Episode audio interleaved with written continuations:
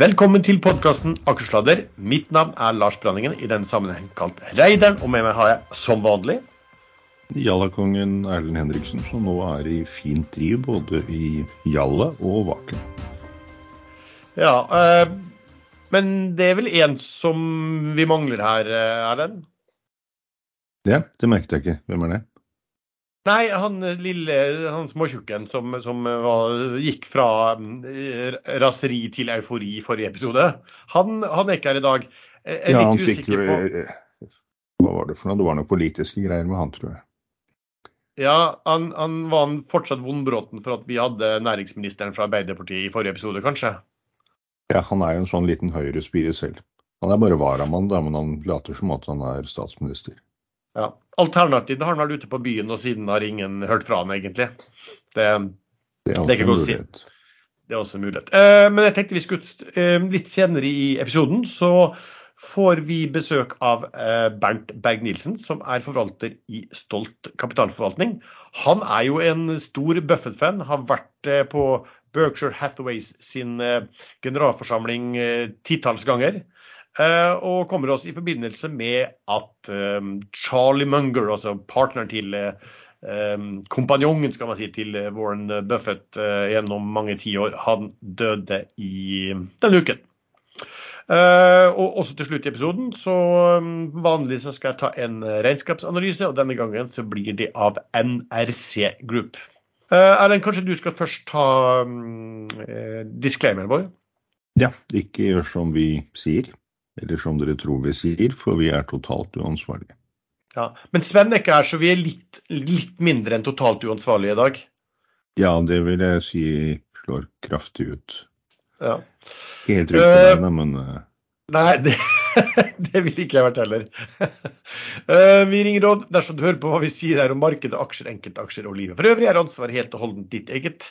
Det kan forekomme feil i det vi sier i programmet, og panel og panelsgjester kan være langt, kort, direkte eller indirekte eksponert i aksjer, selskaper og produkter som omtales i programmet.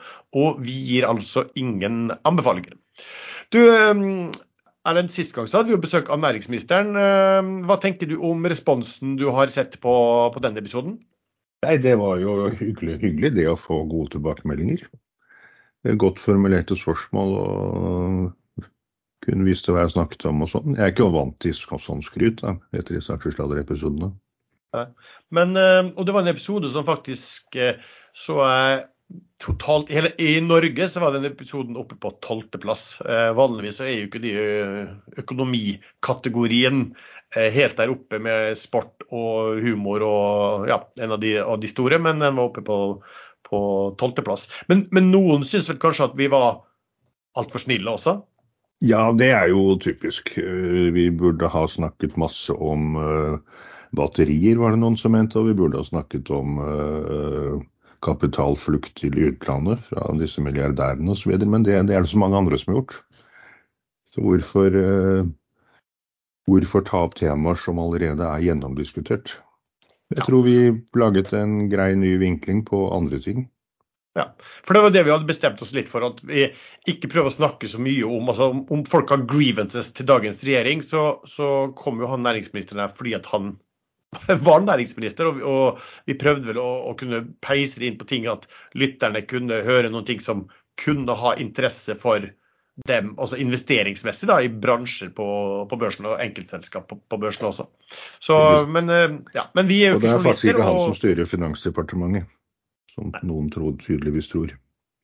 Eh, Men uansett, vi er ikke journalister, og vi vil vel egentlig at det skal være en litt feel good med når gjestene kommer hit, og at eh, de skal få ja, svare på spørsmål og fortelle om det, det, det de måtte ønske å fortelle om. Eh, Men skal vi starte med Jeg forstår at du er i godt driv, så skal vi eh, få høre med hva er det du holder på med, eller har holdt på med denne eh, uken, Erlend? Denne uken faktisk eh, bare norske og svenske aksjer. Eh, Univid litt ut og inn, det er det gamle Element eh, DLTX eh, som nå heter Univid, som skal skifte navnet igjen til Siu eh, snart. Der er, det, der har børsen vedtatt å utsette strykningen av aksjen fra Oslo Børs til eh, klagen er ferdigbehandlet. Og der er det vel egentlig ingen som vet om det er børsens ferdigbehandling av klagen, og eventuelt ja, eller om det er Børsklagenemndas eventuelle ferdigbehandling hvis børsen ikke endrer standpunkt. Så litt vanskelig å si når eh, den aksjen eventuelt kan friskmeldes, i hvert fall i forhold til børsnoteringen sin. Så akkurat nå er jeg helt ute av den. Men den er, ser ut som at den er fin å trede. Så den skal jeg nå kanskje sikkert inn igjen. Uh, ellers så har jeg tredet Idex, uh, men jeg solgte meg ut fra uh, enten i går eller onsdag, husker jeg ikke, solgte det siste i dag. En hovedgrunn er at den allerede hadde gått en del. Var langt opp på 0,60-tallet og ramla ned igjen. Nå ligger den på 0 Skal vi se 0,53. Den var opp, var 10 øre høyere. Ja, for du, snak, du jo den når den var på eh, ned mot 0,42 eller noe sånt, var det? Ja, det var det. Så jeg har hatt en veldig fin reise i den. Jeg solgte meg vel ut på litt under 0,60 snitt, og hadde litt over 0,40 snitt på litt forskjellige innganger. Så det skal man ikke klage på på en drøy uke. Kanskje to. Eh, jeg har også kjøpt en del i SAS i Sverige igjen, men den steg ikke fra da jeg gikk inn. Og det er jo da min forutsetning for å ta sånne aksjer som ikke har noe verdi, men som kan ha en vakuumverdi. Eh, så den har jeg nå redusert fra fem bøtter, som vi kaller det, fem millioner aksjer, til én million har jeg nå. Så får vi se om eh, det er det som jeg har lært litt av tabber tidligere. Hvis jeg går inn for høyt og selger alt, eh, så plutselig spretter den opp igjen. Da Ved å beholde sånn som nå en femtedel, så kan man da få litt eh, Få igjen litt av det lille man tapte da man solgte, eh, uten altfor høy risiko. Så prøver den modellen. Ellers har jeg tatt Viaplay B i dag. Det er etter at kursen sluttet på 23,6 68 i går.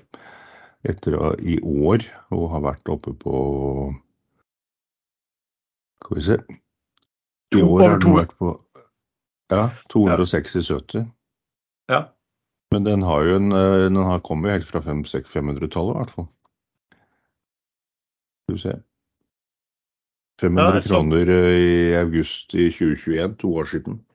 Ja, den var på den, jeg tror den var på 47 i var det i september, for et par måneder siden, eller sånn, to og en halv måned siden. For da kjøpte jo eh, Skipsted kjøpte jo eh, 10 av selskapet da betalte 47 kroner per aksje. Den var på 270 kroner i februar i år. Så, men de kom med børsmelding. De kjører en, en rekonstruksjon. De henter inn 4 milliarder kroner i cash. Eh, og to av eh, lånemilliardene konverteres til aksjer, og det gjøres på én krone. Eh, men her kommer da denne vakuumteorien inn igjen. Alt gjøres på én krone, men kursen åpnet på 4,06 i dag tidlig, og falt aldri under det. Og nå ligger den på 6,29. Jeg eh, kunne ingenting om den aksjen før eh, åpning, så jeg visste ikke hvor mange aksjer det var. Jeg eh, rakk ikke å lese børsmeldingen om generalforsamling, som ikke er før 10.1 til neste år. Så her tar det lang tid før det kommer nye aksjer. Veldig lang tid, og det er jo helt ideelt for et vakuum-case. Men nå vet jeg at det er 77 millioner aksjer i selskapet, og det kommer 6 milliarder nye. Så dagens antall aksjer kan man nesten se bort fra. Og så er det også noen storeiere som uh, garantert ikke, kom, ikke, kommer til å selge før generalforsamlingen. For dette vedtaket, det, det forslaget, uh, eh, 10.1 må jo stemmes igjennom. Og så kan man, hvis man har riktig flaks med et vakuumcase, så kan det komme andre som kjøper det de klarer å kjøpe nå for å få flertall på generalforsamling for å uh, eventuelt stemme igjen en annen løsning. Så vakuumcase er alltid morsomt. Nå er den på 6,25. Eh, startet på 4,06, sluttet på 23,68 i går. Så får man se hvor dette bærer den. Men jeg har snitt på 5, litt under 5,5, så da føler jeg at det er relativt grei eh, risk-reward på denne akkurat nå. Men hva, gjør, bare sånn, hva tenker du du gjør? For du, du, du, du snakker jo om disse um, vakuumaksjene, så snakker du også at det er jo hyperrisiko. Hva, hva tenker du liksom om uh, stopplås og sånne ting når du Altså, kan, kan du gå noe særlig? Nei, jeg, jeg, kjører, jeg, kjører, jeg kjører stopplås manuelt i sånne aksjer. Den faller ikke fra 6,24 til under 5,50 på to sekunder. Eh, Den kan ramle 10% på to sekunder, og så kan den fortsette å ramle. Men hvis jeg ser at den trender og begynner å falle under snittet mitt, da selger jeg. Ja. Så nå har jeg går- jeg 80 øre å gå på. Ja, du går ikke ut og spiser en lang julelunsj uten tilgang på, eh, på, på kurs og handel? Hvis den er på 14 kroner, så kan jeg vurdere det. Men jeg sjekket aksjonærlisten i stad. Eh, skal vi se her. Der er det Det er jo franske selskapet, vel, Kanal Digital, som har eh, bestemt seg for at de skal raide den aksjen her. Group Kanal pluss SA. De har 9,5 millioner aksjer. De kommer ikke til å selge. Skipsted, som du nevnte, kjøpte 8 millioner aksjer her eh, tidligere i det var vel november. Eh, Nei, i september, tror jeg. September, ja. De har ennå ikke bestemt seg, eh, har de sagt i dag, hva de kommer til å gjøre. Om de kommer til å være med på emisjonen. Jo, man har jo jo tegningsretter med de aksjene man eier etter generalforsamlingen. Pleier de å være. Eh, Nordea Fund 7 millioner. eh, Så det er liksom det er ingen sånne voldsomt store aksjonærer. Eh, om Handelsbanken, fondene med 3, litt under 3,8 millioner aksjer plutselig dumper nå, så er ikke det mer enn 10% av dagens omsetning. Så jeg vil tro at kanskje halvparten av aksjene sitter på litt lange hender, eller på sånne hender som de har bomma på den traden, eller på den investeringen, eh, og de stumper ikke, selv om kursen faller 80-90 Da blir de med hele skipet helt ned. Men, men hva tenker du liksom om, om Telenor? Altså, de kjøper 10% av selskapet, betaler 47 kroner. Og altså, For den dealen så kommer og de skal hente ja, beklager. ja, Og de skal hente altså 4 milliarder. Og så så at de to store eh, skal ta 3,1. Altså de skal ha de skal jo ha 3,1 milliarder av, eh, av, eh, av, av 4 milliarder, altså nesten 80% av hele emisjonen, tar jo, tar jo de, de to store. Men Telenor er jo ikke blant de, da. De, altså, de har tydeligvis ikke vært villige til å være Skipsted. Fortsatt Skipsted, beklager. Ja. Uh, ikke så lett her. Ski- Skipsted de har jo ikke mm, sagt noen ting vilje til å ta og, være en storeier som, som vekter seg opp her. Eh, og ettersom de da må tegne seg i den resterende tegningsrettsemisjonen, så sier det jo seg selv at de ikke vil kunne opprettholde sin 10 eierandel. Ikke sant. Så, men der sier jo du allerede, ting jeg ikke vet. Så dette er en rettet emisjon som allerede er eh, fastlagt at uh, Group Planal tar 80 Nei, altså det er vel da to stykker, ikke sant. Det er Kanal Pluss, og så eh, hva den andre het igjen, det, det husker jeg ikke. Og de, eh, sånn som jeg leste det, så skulle de to til sammen få 3,1, og resten skulle være en fortrinnsrettsemisjon. Men altså, de kan jo ikke få det uten at det godkjennes i en, eh, i en generalforsamling. Ikke sant? Nei, de kan ikke det. Og med 9,5 millioner til Group Canal Pluss, så eier ikke de mer enn 11,32% av stemmerettene. Så de har jo, og de må garantert få vedta dette med over 50% så enten må de allerede ha sikret seg samarbeidspartnere som garanterer den den støtten. Eller så kan man faktisk risikere, eller det, det er jo ikke da risiko, vil jeg kalle det, det er jo øh, å skyte jackpoten hvis de nå kjøper seg opp. Og Altså- for å sikre seg flere stemmer. Ja, øh, men jeg vil jo synes at det er veldig rart. Altså, eh, Skipsted må jo øh, unektelig ha vært involvert i loopen her, eh, siden de eier omtrent det samme som disse. Ja, ikke sant? 9,53 mot 11,32 stemmeretten. Ja. Så det sier seg selv at de har vært involvert i prosessen. Og ettersom de ikke er med blant de to, så må jo de nesten ha sagt nei til at de eh, skulle delta på den måten. Eh, og, men jeg tror heller ikke at de hadde gått ut med den dealen hvis Telenor har sagt at vi, skal ikke det, men vi kommer til å stemme nei til det foreslåtte, altså til forslaget også. Um, ja, det, virker, det, virker i hvert fall som en veldig merkelig eh, altså Jeg vet ikke hva de har tenkt helt her, eh, eh, Skipsted, sånn sett, om de bare så en mulighet å, å heve inn noe penger, og så, og så er de eh, Ja. Ja, de, det, det, er jo det. Man, det er et stort selskap, og dette, for dette er jo relativt småpenger for dem uansett. Så de har gjort en investering, og så ser de at det blir ikke som de håpet på.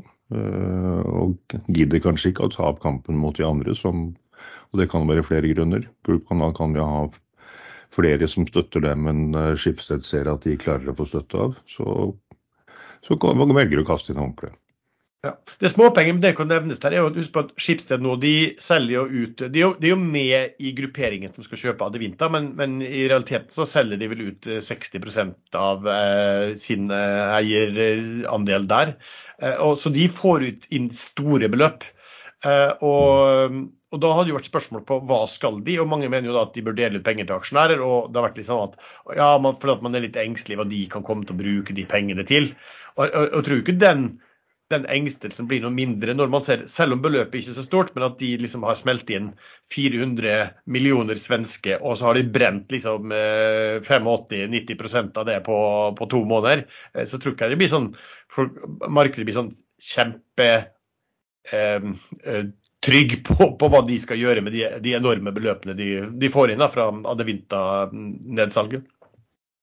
Det, det, har egentlig veldig liten betydning for vakuumcase, annet enn hvis det plutselig blir kamp om å skaffe seg stemmeretter. Da kan, ja. uh, da kan, absolutt alt skje med det caset der. Mm.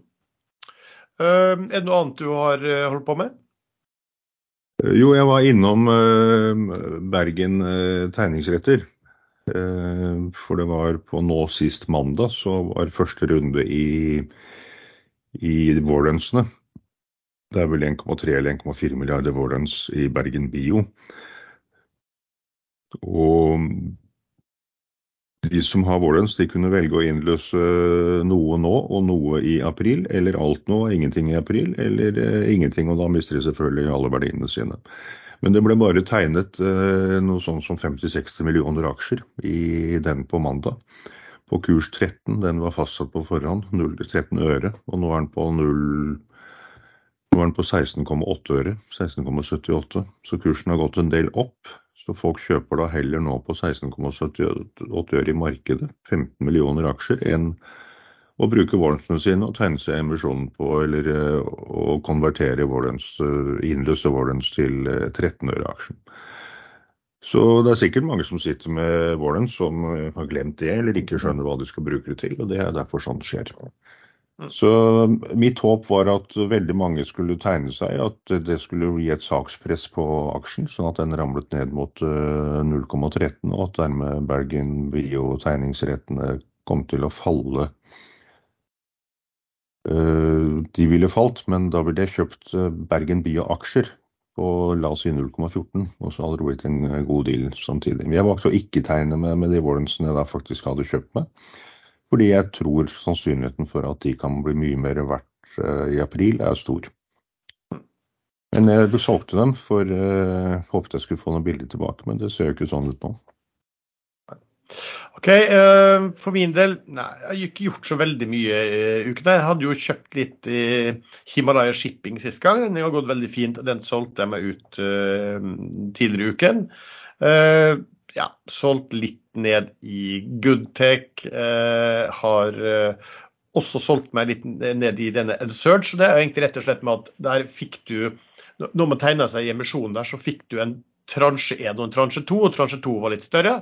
Og så var det sånn at nå visste jeg at eh, transje 2 kom eh, med det aller første, og den kom vel faktisk var det i dag eller i går det kom som, som, gjorde at ganske mange nye aksjer da, var, var, frigitt til å kunne selges. Og så vet jeg at noen av de aktørene som umiddelbart virka har vært veldig interessert i å selge. Så da tenkte jeg at den, den hoppa jo opp mot en eh, opp en 7-8 eh, fra eh, emisjonskursen, altså fra 0,107 1,0 0,108 rundt der. Eh, I alle fall så solgte jeg ut eh, en del jeg hadde, for jeg får jo også nye aksjer. Og, og, litt fordi at jeg forventet at når de nye kom tilgjengelige, så kom noen til å være mer ivrig på å selge. Og det, sånn var det i hvert fall eh, så før i dag, at den kursen hadde falt litt tilbake igjen. For da kom det nye aksjer til, til salgs. Så den, ja, den er vel ned en 4 hittil i dag. Uh, ellers så har jeg også kjøpt uh, en del uh, BV Energy kan jeg snakke om litt senere. Og så har jeg også kjøpt en del Bonheur. BV Energy kjøpte jeg i går, og Bonheur har jeg kjøpt i dag tidlig. Nå er jo ikke vår spesialist, spesialist her på emisjoner og nedsalg. Jeg kan jo bare nevne da kort hva som har skjedd som har fått med meg der. I Haug Autoliners så solgte jo Mersk seg helt ut. Skjedde vel egentlig ikke en form for bookbuilding som sådan, for det var ikke noe som ble meldt over børsen. Det bare ble meldt at de hadde kjøpt. Uh, brukte litt meglerhus til det, og det var nesten ikke rabatt på det de uh, gjorde. Hunter Group hentet inn penger uh, i går etter børs. de henta vel inn, om jeg husker riktig, en, 21 millioner kroner til en kurs som da var ca. 16% skal vi se om det var Bare sjekke at jeg ikke sier noe helt feil her. Hunter hentet inn penger til eh, 16% ja. Eh, kurs 1,5, 16% rabatt på sluttkurs. Og så har du også noe som heter Exact Therapeutics. Biotech henta etter børs i går inn 25 eh, millioner kroner til kurs 12 i rette emisjon. Det var en rabatt på 3% fra gårsdagens sluttkurs. Eh, sånn som jeg kjenner Sven, nå skal han få snakke for seg sjøl, men den siste med en så liten rabatt er vel han neppe med på. Og den, den, eh, jeg tror den Hunter var fylt opp ganske mye av type sånn som Arne Fredli i forkant også. Så jeg er litt usikker på om, om de som tegnet seg der, eh, egentlig fikk noen ting eh, i det hele tatt. Men det kan vi jo finne ut. Eh, der må det vel bli en repemisjon til de som hadde aksjer, i og med at det var såpass stor mat. Jeg tror jeg har én Hunter-aksje liggende. Kanskje jeg skal se om jeg tegner meg repemisjon. Det er, det, det er, jo det, vi har snakket om før. at av Hvis du har noen sånn slenger av aksjer, så kan bare, bare, det at du er aksjonær, du kan få både retter og av og til få gå foran andre i køen for at du er aksjonær, så kan jo det være verdt. Eh, de har skrevet et eller annet om at det ser ut som det kommer en reparasjonsemisjon. For de har jo meldt at den er X-reparasjonsemisjon eh, eh, i dag, i hvert fall. Vi snakket vel om forrige episode at på søndag så skulle det da være et OPEC-møte, men det klarte de ikke å avholde eh, pga. Av diskusjoner. Og det ble avholdt endelig da digitalt, som jeg forstår, i, i går på, på torsdag. Eh, hva, som, hva, kom det ut av det møtet, Erlend? Det første, det første var at alle skulle da fortsette med de frivillige kuttene de har allerede blitt enige om. Og så skulle vel Saudi-Arabia øke dette. Eh, stemmer det? Eller skulle de bare opprettholde? De skulle opprettholde sitt eh, frivillige kutt, Saudi-Arabia. Ja. Og så ble det meldt at andre land skulle offentliggjøre sine eh, kutt eh, etter hvert, og det gjorde alle. Og så kom plutselig Angola eh, og sa at de nekter å være med på det. De ville ikke kutte. Og da tryna jo aksjekurs, eller oljekursen igjen fra Det var vel oppå over 84, nesten 85, da den plutselig ramla rett ned igjen. Så nå ligger den på 81. Ehm, og min teori, og det er vel din òg, er at hvis markedet virkelig hadde, hadde tro på at disse kuttene både gjennomføres, at ikke de sniker seg litt til å selge litt mer enn de skal, eh, og at det stemmer det Saudi-Arabia påstår, eller OPEC påstår, at det er en voldsom etterspørsel etter olje der ute, så hadde ikke kursen eller oljeprisen ligget på 81 dollar nå. Da hadde den ligget på 91 eller 101. Så jeg, min teori er at eh, etterspørselen etter olje faktisk er veldig svak nå, og markedet frykter at den kan bli enda svakere. Du, alternativt at tilbudssiden er mye sterkere enn hva man hadde trodd. For du ser jo at Kombinasjoner. Ja, ja, for du ser jo at OPEC har jo kuttet, men andre land har jo kommet inn og økt noe ganske, ganske kraftig. Um, og det er vel kanskje der Så, så det, det er vel kanskje der OPEC har en viss hodepine. da, at eh, når, når, det er så stor, eh, stor tilbudsøkning fra andre land, så kutter de selv. Altså, de kutter seg selv bort fra eh, markedsandeler. Uh, og det kan du jo ikke holde på med til, til, til, til evig tid. da. Uh, og så er det jo selvfølgelig sånn at man har snakket om altså OPEC har en veldig høy anslag på etterspørselsvekst i 2024. Og Altså, man, man snakker om noe som heter call OPEC. Det betyr egentlig at man antar hva vil etterspørselen etter uh, være totalt i et år. Uh, altså for å si 2024, man antar det. Og så antar man da hvor mye kommer andre land til å produsere. Og resterende er liksom Det er det eh, Kålen OPEC, det er det man OPEC må levere for å dekke opp, sånn at etterspørselen eh, dekkes av tilbud. Da. At, hvis jeg husker riktig, så var det sånn at da måtte OPEC øke neste år, i henhold til OPECs egne tall, med 800 000 fat per dag. Eh, og, og, og, da tenker folk at det, da rimer det jo ikke da at de har noe frivillig kutt allerede, og så skal de kutte nye 1 millioner fat eh, ikke-bindende. For det er vel sånn at dette skal være fri, frivillige kutt mellom aktører som kanskje en del av dem ikke har vært, vært, vært, vært verdens mest pålitelige til å kutte når de skulle måtte gjøre det. Ja, så Kursen har jo hoppa opp og ned da, etter hvert som det har kommet nye innspill fra dette eh, fra, fra møtet. og Hadde du spurt for en liten stund siden at de skulle kutte 1 million fat og kursen være på 81, så hadde man vel ikke trodd det. Eh, så spørsmålet er om man helt tror på det. Og jeg ser også ja, se på Frontline, som fikk mye juling når kursen gikk på, på kutt. Den er opp 2 ja, Ullevål falt ganske mye da, siste uke, kanskje 10% men, men likevel kanskje det, man begynner å tro på at de kuttene ikke materialiserer seg da, i så stor grad som, eh, som headline kunne, eh, kunne, tyde på.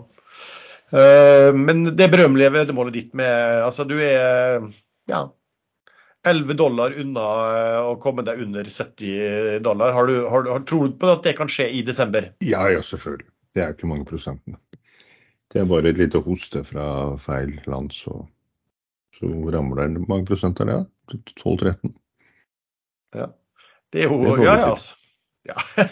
det kan, altså klart Hvis noen flere kommer ut og sier noe at vi, eh, at vi Nei, men vi kommer ikke til å kutte. Eh, og så plutselig får du Saudi-Arabia som begynner å for det, det, så det sto i Financial Times at En trussel fra dem var jo å si at nei, altså hvis ingen vil kutte, så produserer vi bare mer. Altså Da tar vi tilbake vårt frivillige kutt eh, på 1 million fat og begynner å produsere det. ikke sant? Da hadde du hatt den oljeprisen har jo datt i 50 dollar da. Tror jeg i hvert fall. Hvis, for sånn er jo den elastisiteten i det, eh, i det markedet der. En annen eh, altså Et selskap som har gått helt veggimellom denne uken. Jeg tror det er til sterk eh, irritasjon for unge Henriksen. Det er jo Northern Drilling, Noodle. Ja, det er you win some, you lose some. Jeg hadde jo var det 93 000 som en som et lite bet på at den skulle dra opp. og Da hadde jeg snitt 1,31, og nå ligger den akkurat nå på 5,24. Eh, og Det er jo selvfølgelig litt surt, og den har vært enda høyere enn det. Men det kommer et prospekt snart. Det burde være sendt inn til godkjennelse til Finanstilsynet for uh, allerede etter generalforsamlingen. Og når det kommer, så frigjøres det utenom de 330 millionene eller noe sånt som Fredriksen eier, så frigjøres det Eh, rundt 27 millioner 12,5 øres aksjer. Da vil ikke kursen holde seg på 5,26 som den ligger på nå. Hvor langt den faller vet jeg ikke, men da kan det være et interessant eh, bedt igjen å gå inn og ta den på åpningen eh, når prospektet er godkjent og når disse aksjene pumpes ut, høyst sannsynlig. Men Nodel er jo ikke risikofri. Den har gått litt på forventninger til at Fredriksen skal anke voldgiftsdommen, og det er langt fra sikkert at han får gjort. Jeg skrev jo en kommentar om denne Northern Drilling i det børsekstra som vi har, som vi sendes ut til 17 000 mennesker hver dag. og Kalte det galskap, galskap på Oslo Børs. Og årsaken at Vi, vi har jo sett mye sånne vakuum-case før da, som har gått uh, helt tulleball. Eh, men her var det også, nå begynte det også å bli publisert en del ting på sosiale medier så jeg mente det var liksom ganske grovt eh, villedende.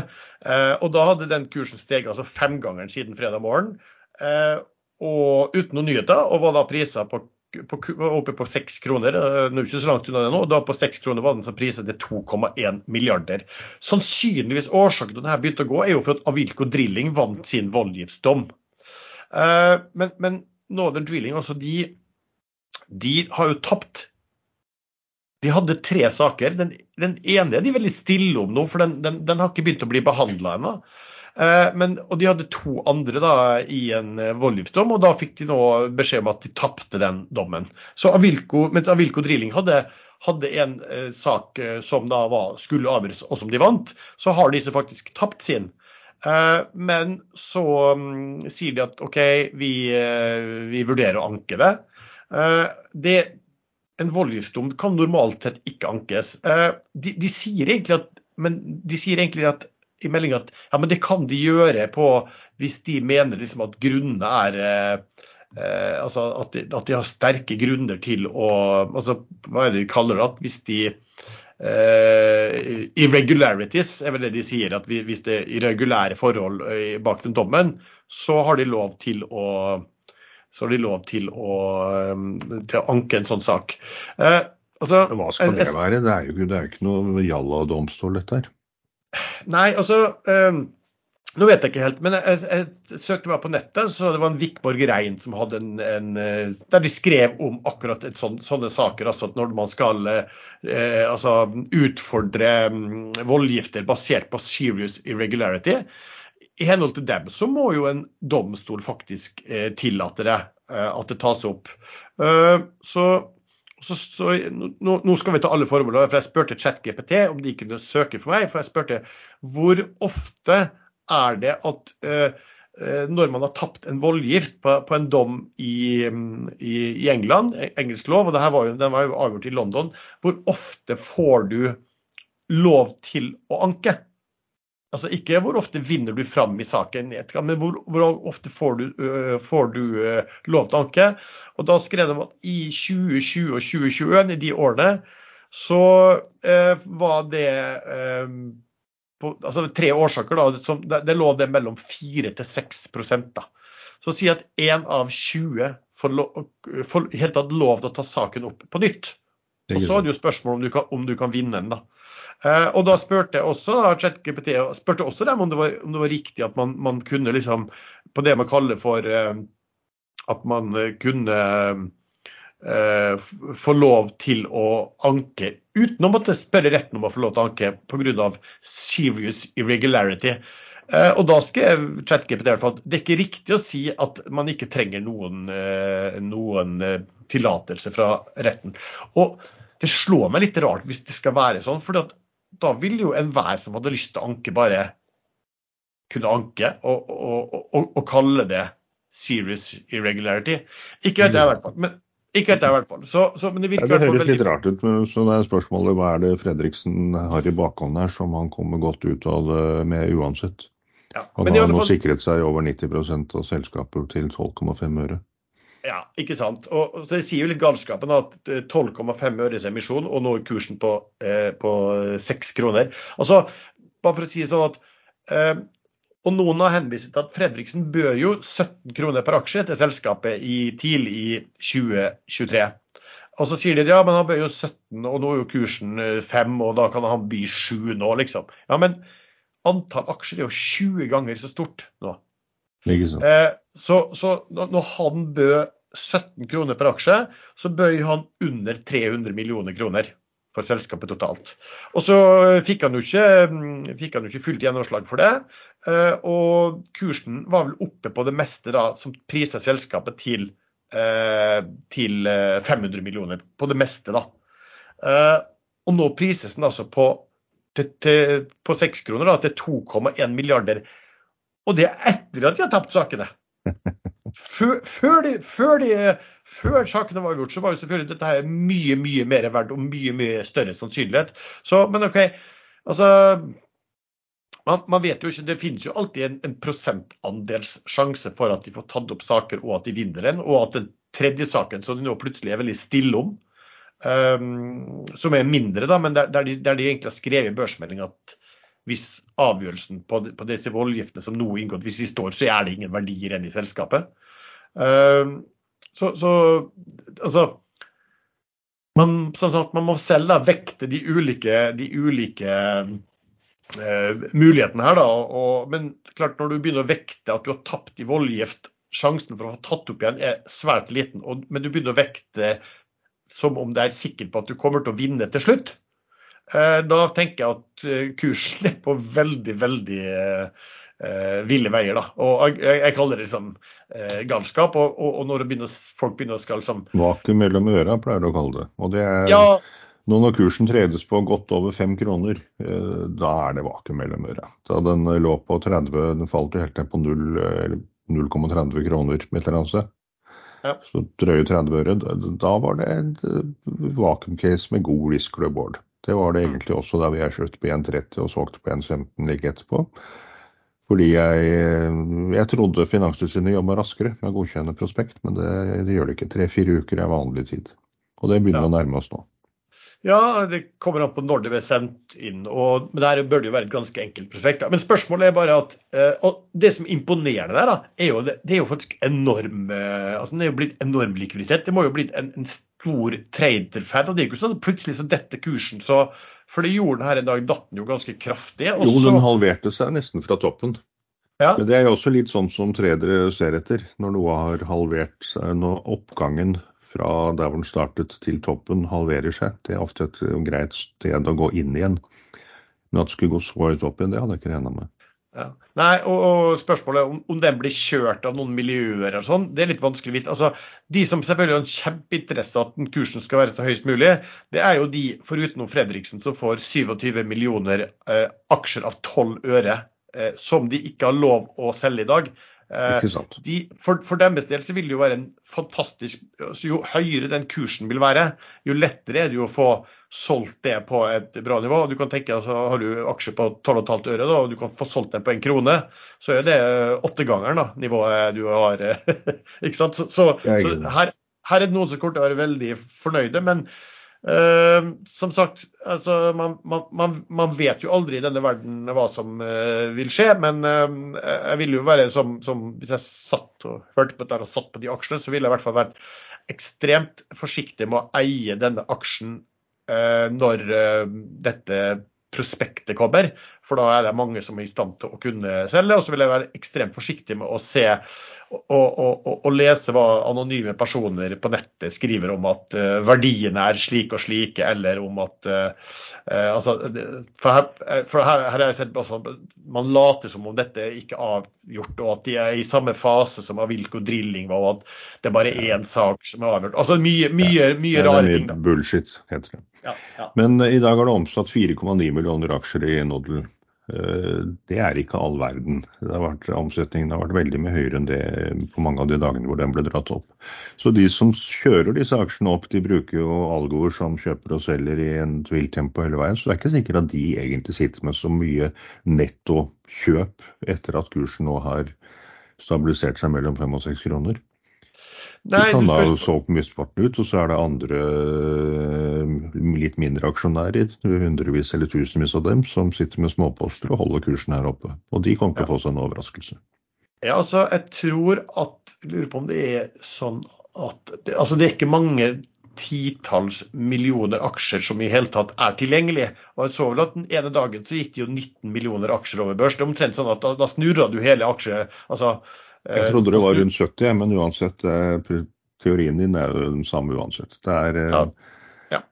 Så det er ikke så mange tilgjengelige aksjer, og derfor er det lett å dra sånne aksjer opp. Og de som er proffe, de klarer også å selge ut mesteparten av det de dro den opp med, før, før kursen går på trynet. Vi får vel se hva som uh, måtte skje der, men da vet man i hvert fall det, det er, Dette er i hvert fall et klassisk eksempel på en ellevill sånn vakuum... Uh, på vakuumteorien din. Ja, det er, eh, så vakuumteorien stemmer det, finnes det ikke noe tvil om. Eh, Ja. Mest klassiske eksempelet er eh, Hertz, bilutleieselskapet i USA, som tapte alle pengene sine, gikk inn i en chapter 11-rekonstruksjon. Og da gikk kursen 5000% mens 50-gangeren, mens den lå i chapter 11. Og den ramla aldri tilbake, for det kom noen inn, noen andre, og kjøpte selskapet på den nye kursen. Så de som da tok sjansen på bunn, de tjente faktisk nesten 50-gangeren. Og Der var det tydelig at øh, kjøperne av aksjen mente at den var kraftig undervurdert øh, på kursen den gikk i rekonstruksjon på. At 50 ganger opp derifra, det var helt greit. De hadde sikkert vært med på å dra den selv opp også. Du har et spørsmål fra en lytter her. Det, står Kan Erlend Henriksen dra en røverhistorie? Nå var jeg på Lorry med en, eh, den dårligste veddegjengen jeg har, på onsdag kveld. Så jeg er litt skuffet over Sven som var på byen i går og ikke klarer å stille opp i dag. Eh, jeg hadde klart det selv i går. Eh, kanskje litt mer fraværende enn jeg så stort sett alltid er, men er man helt om natten, må man være helt om dagen. Det er reglene.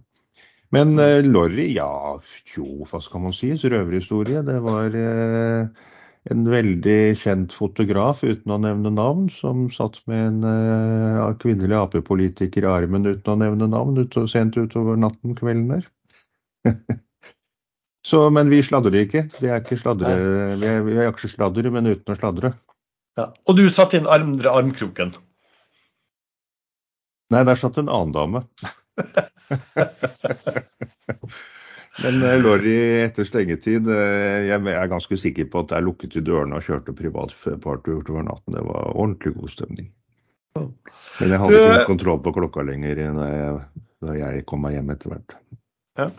Uh, og så så vi, vi også kommentert inn på gruppa på Facebook. Det var en, en, en som ga et tips om, til, til lytterne. Tips som gjelder eh, gavekort man har fått som er utgående. Kjøp nytt gavekort med gavekortet. Det var tipset. Så det er jo greit å tenke på mot jul. Men jeg kom på Vinmonopolet en gang med et 500 eh, kroners gavekort som hadde gått ut for et par år siden. Det var ikke noe problem. Det var bare å bruke. Og så er det et spørsmål på når kommer julekulene? Eller julekuler og nyttårsraketter er jo det tradisjonelle navnet på episoden vi bruker å ha. Ja, og det har vel vi hvert år hatt uh, den andre fredagen i desember eller tilsvarende. Så det vil ja. jeg si ikke i dag, men neste helg. Neste fredag. Ja, neste fredag. Det er, det er planen. Da må man begynne å se seg litt rundt etter noe noe Disse andre sleipingene de skal jo hele tiden komme foran alle de andre, så snart har vi julikuler. Vi opprettholder tradisjonen. Denne uken så døde jo selveste Charlie Munger, ble 99 år gammel. Eh, og med oss i denne sendingen så har vi en som kjenner veldig godt til Munger, Buffett, Berkshire og hele filosofien der, til å guide oss litt gjennom hva, hva Charlie Munger sto for. Velkommen til oss, Bernt Berg Nilsen, som er porteføljeforvalter i Stolt kapitalforvaltning. Du, Takk for det. Jeg uh, gleder meg til å være her. Selv om det er en uh, trist bakgrunn, så er det jo en god anledning til å snakke om en, en stor mann som gikk bort her på torsdagen.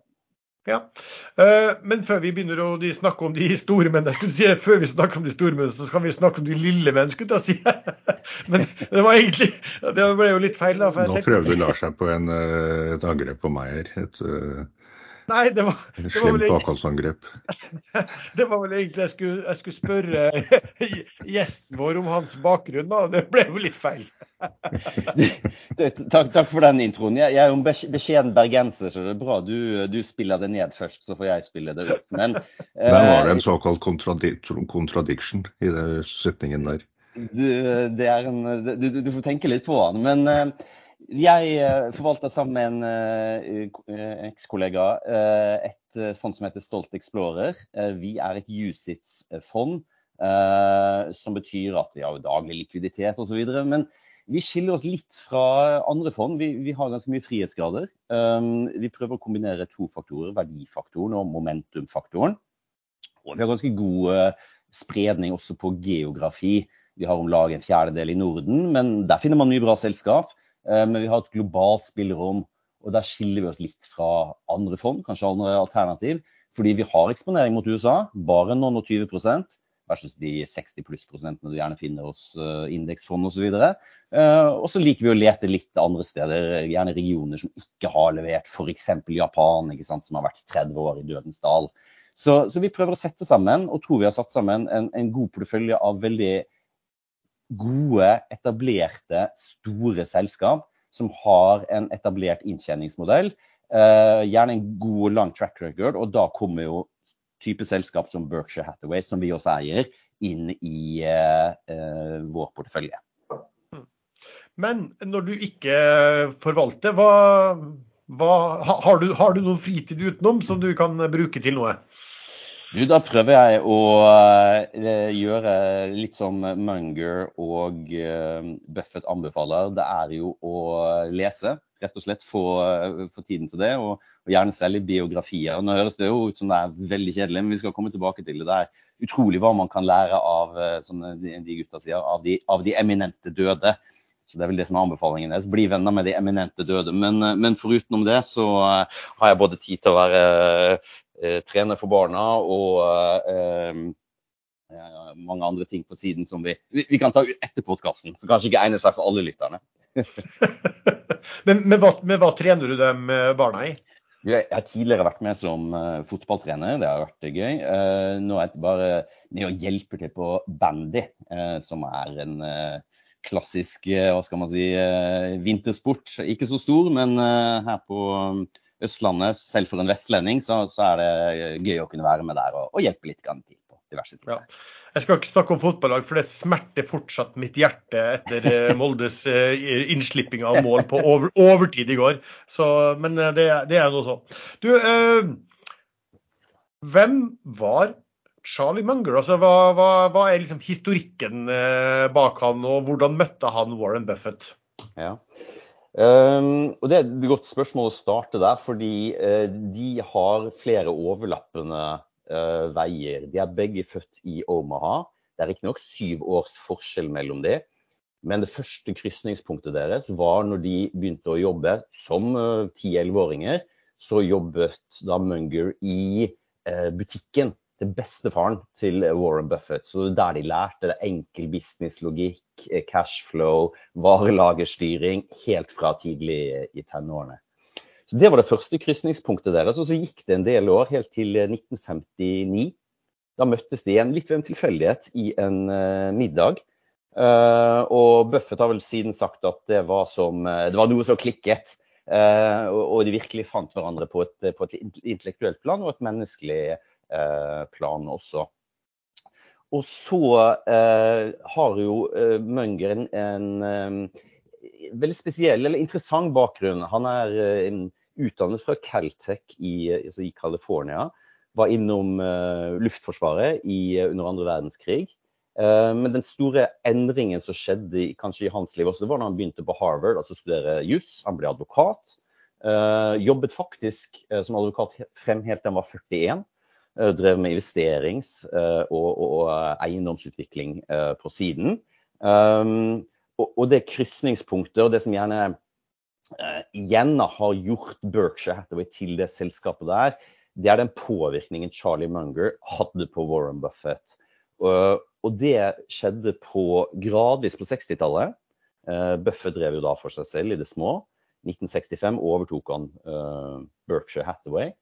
Um, og der Buffett eh, tidligere hadde fokusert veldig mye på klassisk sånn dyp verdiinvestering. Tenk Benjamin Graham, under prisbok 1. Kan du likvidere selskapet for uh, cash uh, osv. Så, videre. så fikk Munger han er nøkkelen til å forstå hvorfor Berkshire har blitt så stor. Fordi han fikk Buffett til å vri seg om til å fokusere mer på kvalitetsselskaper som kan vokse tenke høy eh, eh, egenkapitalavkastning, mulighet for reinvestering. Det første vridningen, helt konkret skjedde i 1972. Da kjøpte et selskap som heter Seas Candy, som er en eh, tenker sånn merkevareprodusent innen sjokolade, altså høyende, type Lintz i Europa, men dette er da i California. Og så, det var på 70-tallet så skjedde den gradvise endringen der. Uh, og så kommer vi jo inn på 80-tallet med Coca-Cola osv. Og, så og så har det bare spunnet på seg uh, fremover helt til Apple da i 2016. Um, jeg så faktisk uh, litt bakgrunnstall på den Seas Candles-investeringen da i 1972. Ja. Munger fikk Buffett til å gå inn i det, bli med inn i den for 25 millioner dollar. Mm. De hadde, det Scandals hadde nett pre-tax profits på 4 millioner dollar det året. Mm. Og det har uh, Hathaway tjent to milliarder dollar på siden den gangen. Ja. Og, og, det var en type selskap som Buffett egentlig hadde i hvert fall styrte unna før han møtte Munger. Uh, fordi han ville ha disse tradisjonelle Det skulle være ekstremt billig, gjerne på tangible assets osv. Men så har jo Buffett selv sagt det i ettertid, at det han drev med da, de foregående årene, var det han kalte sånn cigar butt investments. Altså i den forstand at se for deg en sigarettstump som ligger på bakken, ikke sant. Og så er den litt skitten og ekkel, og den er jo billig priset åpenbart. Men det er ett siste puff igjen, altså likvideringen av selskapet, og så kommer det ut i pluss som investering. Mm. Men for å bli virkelig stor, så nytter det jo Det var Munger kom inn og påvirket investeringsfilosofien på den måten at skal du bli virkelig stor, store summer, mye kapital, ja, så må du fokusere på selskap som har en eller annen kall det konkurransefordel, eh, som har en moat, en vollgrav som de, de, kaller det, som gjør at de kan reinvestere pengene. Du har høy avkastning på egenkapitalen i utgangspunktet, eller på investert kapital, men også mulighet til å reinvestere store summer internt, sånn at du får denne rentes, renteeffekten eh, som over lang nok tid er helt fantastisk. Hvis vi bare, Ikke for å kaste tall i hodet på folk, men de har jo da holdt på i 60 år, fra 1965, altså nesten 60 år. De har da økt bokført verdi i snitt med 18,5% per år. Gjør du det Det høres jo ikke mye ut, 18,5% og SMP har gått 9% i året. Men compounder du over lang nok tid, så blir du et av verdens største selskap. Og det finner du igjen i Bare for å sette rammen inn Berkshire i dag, så har de en asset-side på 1 trillion. Det er verdens største asset-side. Eh, de har egenkapital på 550 milliarder dollar. Um, og det er fra en base på 30 millioner. Så har de tallene der uh, kommet frem. Så den ene nøkkelen å forstå, til å forstå Berkshire er Munger, altså vridningen i investeringsfilosofi. Den andre nøkkelen til å forstå Berkshire er forsikring og bruken av det som heter float, uh, kall det på godt norsk gratispenger. Uh, forskuddsbetaling som vi alle gjør når vi driver med, uh, har en, en forsikringspolise, og investere de på en god måte. Så det er på en måte komboen av de to er nøkkelen til å forstå eh, den verdiskapningen som har skjedd i, Berkshire. Ja, men hvordan har det seg at Berkshire eh, kom inn i forsikringsbransjen? Ja, Da må vi spole tilbake igjen til rundt midten av 60-tallet. Uh, Berkshire var egentlig et feilet kjøp, uh, faktisk, fra Mungers side. Det var et sånn billig, kjempebillig selskap, og da får du jo gjerne kvalitetene deretter. ikke sant? Så det var et tekstilselskap, altså produserte klær, da. Uh, men det var billig. Det var det uh, Buffett spottet. Um, han overtok selskapet, kjøpte ut de andre, um, og, og, vridde det. Først med liksom små forsikringsselskap, uh, um, fordi han så den forretningsmodellen i det, selskapet som heter Geico, som driver med bilskadeforsikring. Eh, som hadde drevet med det de, de foregående 30 årene. Men, men det er hans inspirasjonskilde eh, er da selskapet Geico, som eh, var et privat, altså listet selskap. men da hadde en annerledes forretningsmodell med lavere kostnadsbase, bedre kundefokus, høyere lojalitet, lavere skadefrekvens osv. Men igjen, hele clouet der er floaten, å få tak i de pengene som vi alle vet. Når du har en forsikring, ja, så betaler du inn gjerne i begynnelsen av året eller begynnelsen av måneden. Og så er jo da å styre det på en god måte, slik at du ikke får for store skadeutbetalinger. Men aller viktigst, forvalt de pengene, eh, kall det den positive arbeidskapitalen, på en god måte i mellomtiden, før eventuelle mm. skadeutbetalinger. Ja, for det, jeg kan bare si til de som hører på, at, si at altså, hvis du har et eh, skadeforsikringsselskap, da, du driver det, og, og man betaler inn på forskudd på det, så, så, snakker man om noe som heter combined ratio. og Det er mm. også et forhold eh, Det er hva du må betale ut av de pengene i form av skaderefusjoner, og hva du må betale til de ansatte av vanlige driftskostnader. Og nå har man ulike måltall, men du kan si enkelt, hvis du sier det veldig enkelt at hvis du har en combined ratio på 100 Eh, så vil jo de pengene du, går, eh, du får inn, de må, vil du måtte betale tilbake igjen i over en viss tid. Men du sitter jo faktisk på de pengene eh, i mellomtiden til du betaler ut. Altså, så, så, det kanskje anskueliggjør hvor, hvor viktig dette her med at når du får inn penger, at du kan plassere de på en god måte inntil mm. du skal ut igjen med de aller, aller meste av pengene. Ja, og, der, og derav er det de forsikringsselskapene som virkelig er gode, og det er jo da motoren i dagens Berkshire, er jo da skadeforsikring på bil, og så er det sånn katastrofeforsikring. Tenk veldig store uh, hendelser, type orkan, mye bygningsmasse osv. Men i begge de to, du har helt rett. Det er nøkkeltall combined ratio. Tenk på det som en omvendt margin. Det er kanskje enkleste måten å tenke på det. Altså når man sier 96, ja, da har du 4 kall det driftsmargin. Um, og sånn tenker de svært mange forsikringsselskap at de fokuserer på det. I Norden så ser du gjerne selskap ligger sant, lavt på 90-tallet, eller kanskje på 80-tallet også. altså en tosifret margin. Um, I USA er konkurransebildet litt annet. Uh, Geico, som er hele i dag av Berkshire, sikter på 96% altså 4% margin. Men sånn som Berkshire tenker på det, de ønsker selvfølgelig å tjene penger for forsikring ideelt sett, men det er på en måte gratispenger. De tenker på sånn at de låner penger av kundene, mm. og så får de 4% i tillegg. Mm. Så deres hovedgeskjeft er investeringsdelen.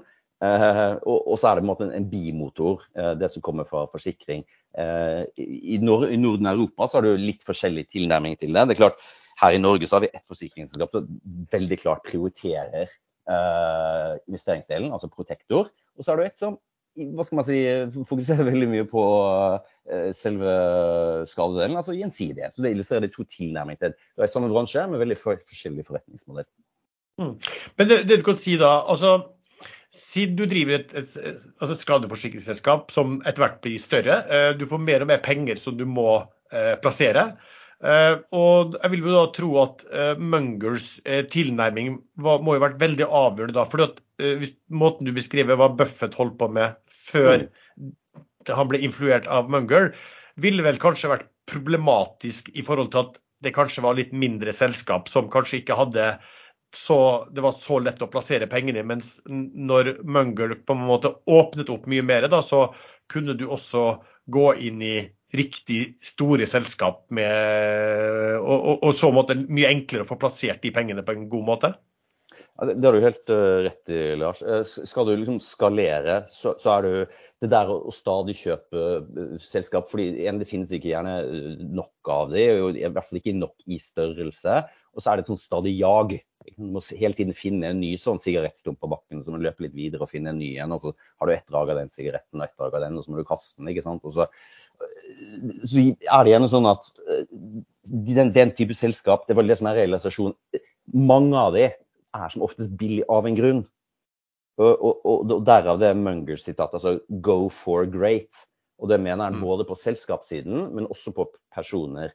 Og grunnen til sitatet 'go for great' er, er på en måte hans lærdom fra historikken. Mennesket og menneskets natur forandrer seg aldri vi kommer til å begå feil, og vi kan godt sant, grave mer eh, inn i den eh, behavioral-delen av det, og de, disse, disse fellene, tankefeller vi er utsatt for, insentiver osv. Men mennesket kommer til å begå feil.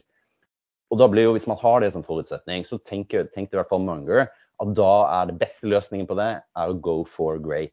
Da får du færre problemer. Du kan aldri unngå feil, men du får i hvert fall færre problemer med mennesker. Du får færre problemer med, med selskapene hvis du vrir det til det fokuset Eh, så du kan veldig enkelt si derav den reisen uh, Buffett og Berkshire har tatt fra veldig sagt, billig på prisbok til noe som har høy return on capital employed uh, gjennom disse 60 årene. Ja.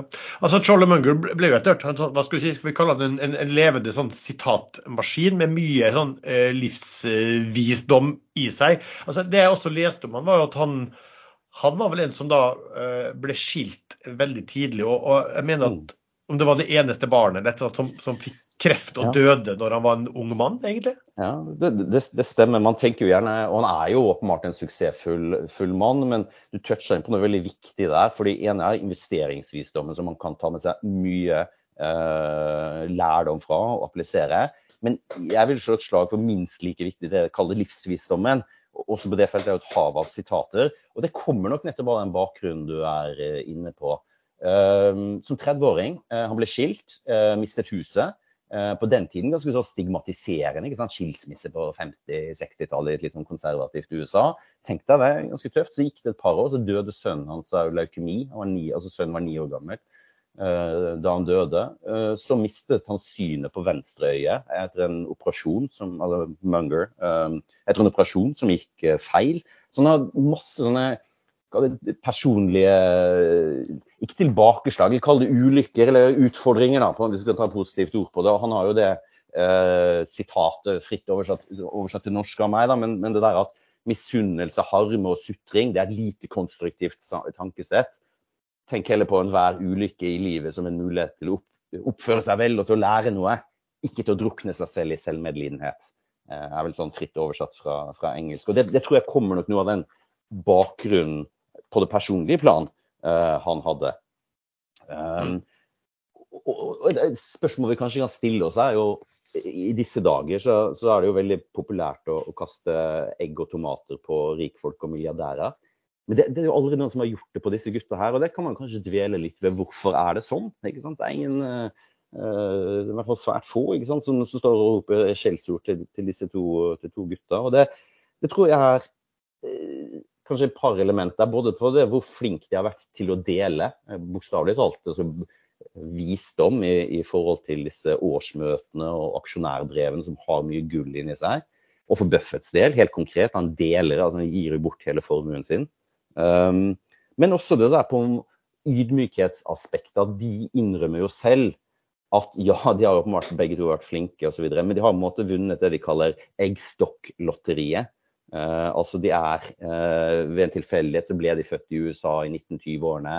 De var knapt med under krigen. Eh, de, de, vokste opp i et USA som boomet etter krigen. De fikk god utdanning osv. Så, videre. så de er jo veldig sånn ydmyk for at, i motsetning til andre som har hatt økonomisk suksess, ja, så er det mye tilfeldigheter og omstendigheter som har hjulpet til å sette dem i den situasjonen de er i, eller komme opp. Ja. Ja, for de, for de, har vel aldri flasha med noe, noe, som helst med, med rikdom. Men, men, det man kan si om, om begge to, og kanskje spesielt Munger, det er jo at altså, han har jo ikke vært eh, nådig, kanskje ikke mot personer, men mot type trender, f.eks. Altså, en av mine Jeg har jo snakket om eh, og skjelt ut det, det, ene og det andre både her og i nyhetsbrev for bruk av, eh, av EBITA. Eh, eh han sa jo også at eh, bespurt om det, og svarte vel egentlig at hver gang man hørte noen som brukte ordet EBITA, så burde man bare bytte det ut med bullshit. Eh, og han har jo også heller ikke vært nådig altså mot krypto, mot, mot, de som trader kryptovaluta. Hadde han vel også ganske, ganske krasse kommentarer eh, rettet mot. da. Ja, du, du, er inne på noe der, uh, Lars. Både på det første som gjelder hvorfor de hadde lyst til å bli rik, så sa han at det var jo ikke verken for han eller Buffett så var det for å kjøpe Ferraris for å imponere damene. Det var jo for å ha uavhengigheten til å gjøre det du har lyst til. Og for hans del så er det å lese, tenke, møte interessante folk. Um, men det andre som er inne på, akkurat det med EBITDA, jeg tror vel de har sagt noe sånn som at uh, EBITDA det er det samme som earnings before cost. Altså depresiering er en reell kost. Hvis noen forteller deg at det ikke er det, så skal du løpe langt vekk, tror jeg. Det er helt rett i. Um, og det, det, er jo blitt et begrep som brukes nesten i alle bransjer eh, etter hvert. Og det var jo noe som kom egentlig fra telekombransjen. John Malone eh, på 70-tallet drev aggressive oppkjøp Uh, innførte jo og begynte å bruke det begrepet. Uh, men jeg tror, i hvert fall hvis du skal bruke EBTA, så spør i hvert fall en person som nevner det, hva er reinvestment capex-behovene? Hva må reinvesteres for å holde det? Så, uh, så, ja, der tror jeg vi er hjertens enige begge to. Du, En ting jeg har veldig lyst til å høre om fra deg, og det tror jeg mange lyttere også. Altså, det er noe man gjerne kaller for the Woodstock of capitalism. Det er altså um, årsmøtet i Berkshire Hathaway, som da er legendarisk. Kommer veldig mye folk der. Jeg har aldri vært der. Alltid tenkt at det måtte vært fantastisk moro å vært der. Men du, du har vært der. Du har vært der ti ganger. Kan ikke du bare fortelle hva, hva, hva, som, hva som, foregår rundt og i eh, denne, denne generalforsamlingen? Ja, og det, det er uh, Bare for å sette scenen litt. Dette foregår i Omaha, der uh, Berkshire har sitt hovedkontor. Det jobber 26 personer på hovedkontoret for øvrig. Um, men det foregår i en stor sånn klassisk amerikansk idrettshall. Det er vel nærmere 30 000 som er der, aksjonærer. Det går over tre dager. Selve møtet er på lørdagen. Fredagen er typisk Eh, mulighet for å besøke noen av bedriftene de eier, shopping, eh, meet and greet. Um, men hovedbegivenheten som sagt, er på lørdag. Det er god biten. Og da stiller gjerne folk seg. Noen overnatter i kø utenfor døra altså fra natten før. Du skal da ha god plass. Ja, altså jeg er der gjerne sånn i fem-seks-draget på, på, morgenkvisten. Så står man der i, i køen og snakker litt med uh, folk og, og, de rundt seg. Og det, det er en sånn overraskende hvor forskjellige folk er, men lik på veldig mange måter. Og det er nok den type folk som kommer dit, det er de som tenker på aksjer som eh, Kall det en eiermentalitet. Altså man driver med business picking og ikke nødvendigvis stock picking i forstand av å fokusere på gode bedrifter. Et, et, de som kommer dit, er gjerne folk som har nettopp den ønsket etter den livslang læring og, og, og få påfyll både faglig og kall det på livsvisdomssiden. Og, det som skjer, er jo seks timer med åpen mikrofon, så det er helt fantastisk. Alle får lov å stille spørsmål. Det er ingen script på forhånd. Buffett og Munger vet åpenbart altså, ikke noen av, av spørsmålene. Um, så er jo Buffett kjent for å ha lange og pedagogiske svar, mens Munger er jo veldig kjent for disse one-linerne, og som du nevnte, kall det en sitatmaskin. Og der uh, har han etterlatt seg et helt vel av uh, punchy uh, headlines, spesielt på investeringssiden. Og det foregår som sagt helt til sånn tre-fire på ettermiddagen. Og selve generalforsamlingen, man tenker på generalforsamlingen som noe litt kjedelig altså Selve generalforsamlingen tar tre kvarter. Nei, knapt det engang. Altså formaliaen helt på slutten, den bare bankes igjennom. Uh, men det interessante der er som sagt muligheten til å ha den dialogen med uh, disse to gutta her som sitter på scenen. Og, så er det mikrofoner rundt i salen der folk får lov å spørre om akkurat det de vil. Ja. Hvor, hvor, mange er det som bruker å komme på de generalforsamlingene? Jeg mener sist det er jo steget. Jeg hadde vært der ti ganger. Det har egentlig steget gjennom hele den perioden. Og, grunnen til at jeg dro dit, var egentlig rett etter finanskrisen. Når man så at mange av disse klassiske modellene man kanskje hadde lært seg, ikke sant, eller det eh, ikke fungerte i praksis, eller feilet i hvert fall under, under, finanskrisen. Det var andre elementer i spill. Eh, Kall det gjerne det med menneskelig natur vi var inne på, og hva, det forårsaket. Så Det var grunnen til at jeg dro dit. Og så har det gradvis blitt flere og flere folk. Nå er det vel noen og 30 000 stykker, stykker som er der. Så hele byen koker jo og syder. Det det er en liten by eh, i amerikansk målestokk, noen 400 000 som bor der. Så hele byen er jo eh, preget av det. og Mange av større kapitalforvaltningsfirmaer setter opp egne eh, møter og events, og, og, det er mye som skjer rundt på barene. og Uh, rett og slett mye, mye bra folk, mye, veldig god stemning. Uh, og på søndagen, hvis du er i form, og ikke at det er altfor hyggelig på lørdagskvelden, så er det sånn charity run, så har du mulighet til å løpe fem kilometer og klaske hånd med uh, Warren Buffett uh, i en sånn 5K run som, som avrunder uh, helgen i Omaha. Mm. Og, du, men du har vært der ti ganger, da. Du må, du må synes det har vært veldig, veldig nyttig og hyggelig?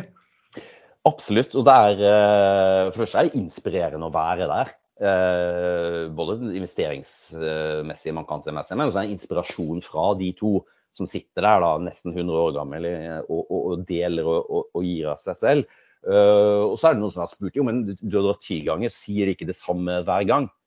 Men det er jo det som er poenget. Det er litt sånn som juleevangeliet. altså Hvis du går i kirken på julaften, og juleevangeliet var litt annerledes nå til julaften enn i fjor, du da hadde ville reagert. Så hele poenget er jo å tre ut av hverdagen, få litt perspektiv, få et historisk perspektiv eh, fra de gutta. De har fortsatt levd en tredel av USAs, hele USAs eksistens. Så det setter jo ting i perspektiv. Og, og når noen spør Uh, husker ikke under en av disse urolighetene, uh, krigen av disse ti årene jeg har vært der. ikke sant, episoden. Men nå er det jo så mye usikkerhet i verden. Det er veldig populært å si nå om dagen. Det er så mye usikkerhet i verden. Så er Warren Buffett rolig. Vel, usikkerhet uh, har det jo alltid vært. Jeg kjøpte mine første aksjer dagen etter at japanerne bombet Pearl Harbor. Så man skal ikke la det hindre seg å drive med god investering. Ja, og, ja for, det, for, det, er kanskje litt Jeg har jo fulgt sånn litt med på det at, at de ofte er ting som folk kanskje problematiserer veldig mye, har de tendens til å være veldig klare på å komme til kjernen på hva er, hva er dette egentlig? Og hva, hva, hva bør du tenke på, og hva kan du egentlig la være å tenke på også? Ja, jeg tror, og det kommer uh, tror jeg at de har laget seg uh, begge to, og det er jo Mønger en spesialist. altså Det man kan kalle mentale modeller i hodet. Sånn at du raskt kan krystallisere problemstillinger og destillere dem ned til det som er viktig.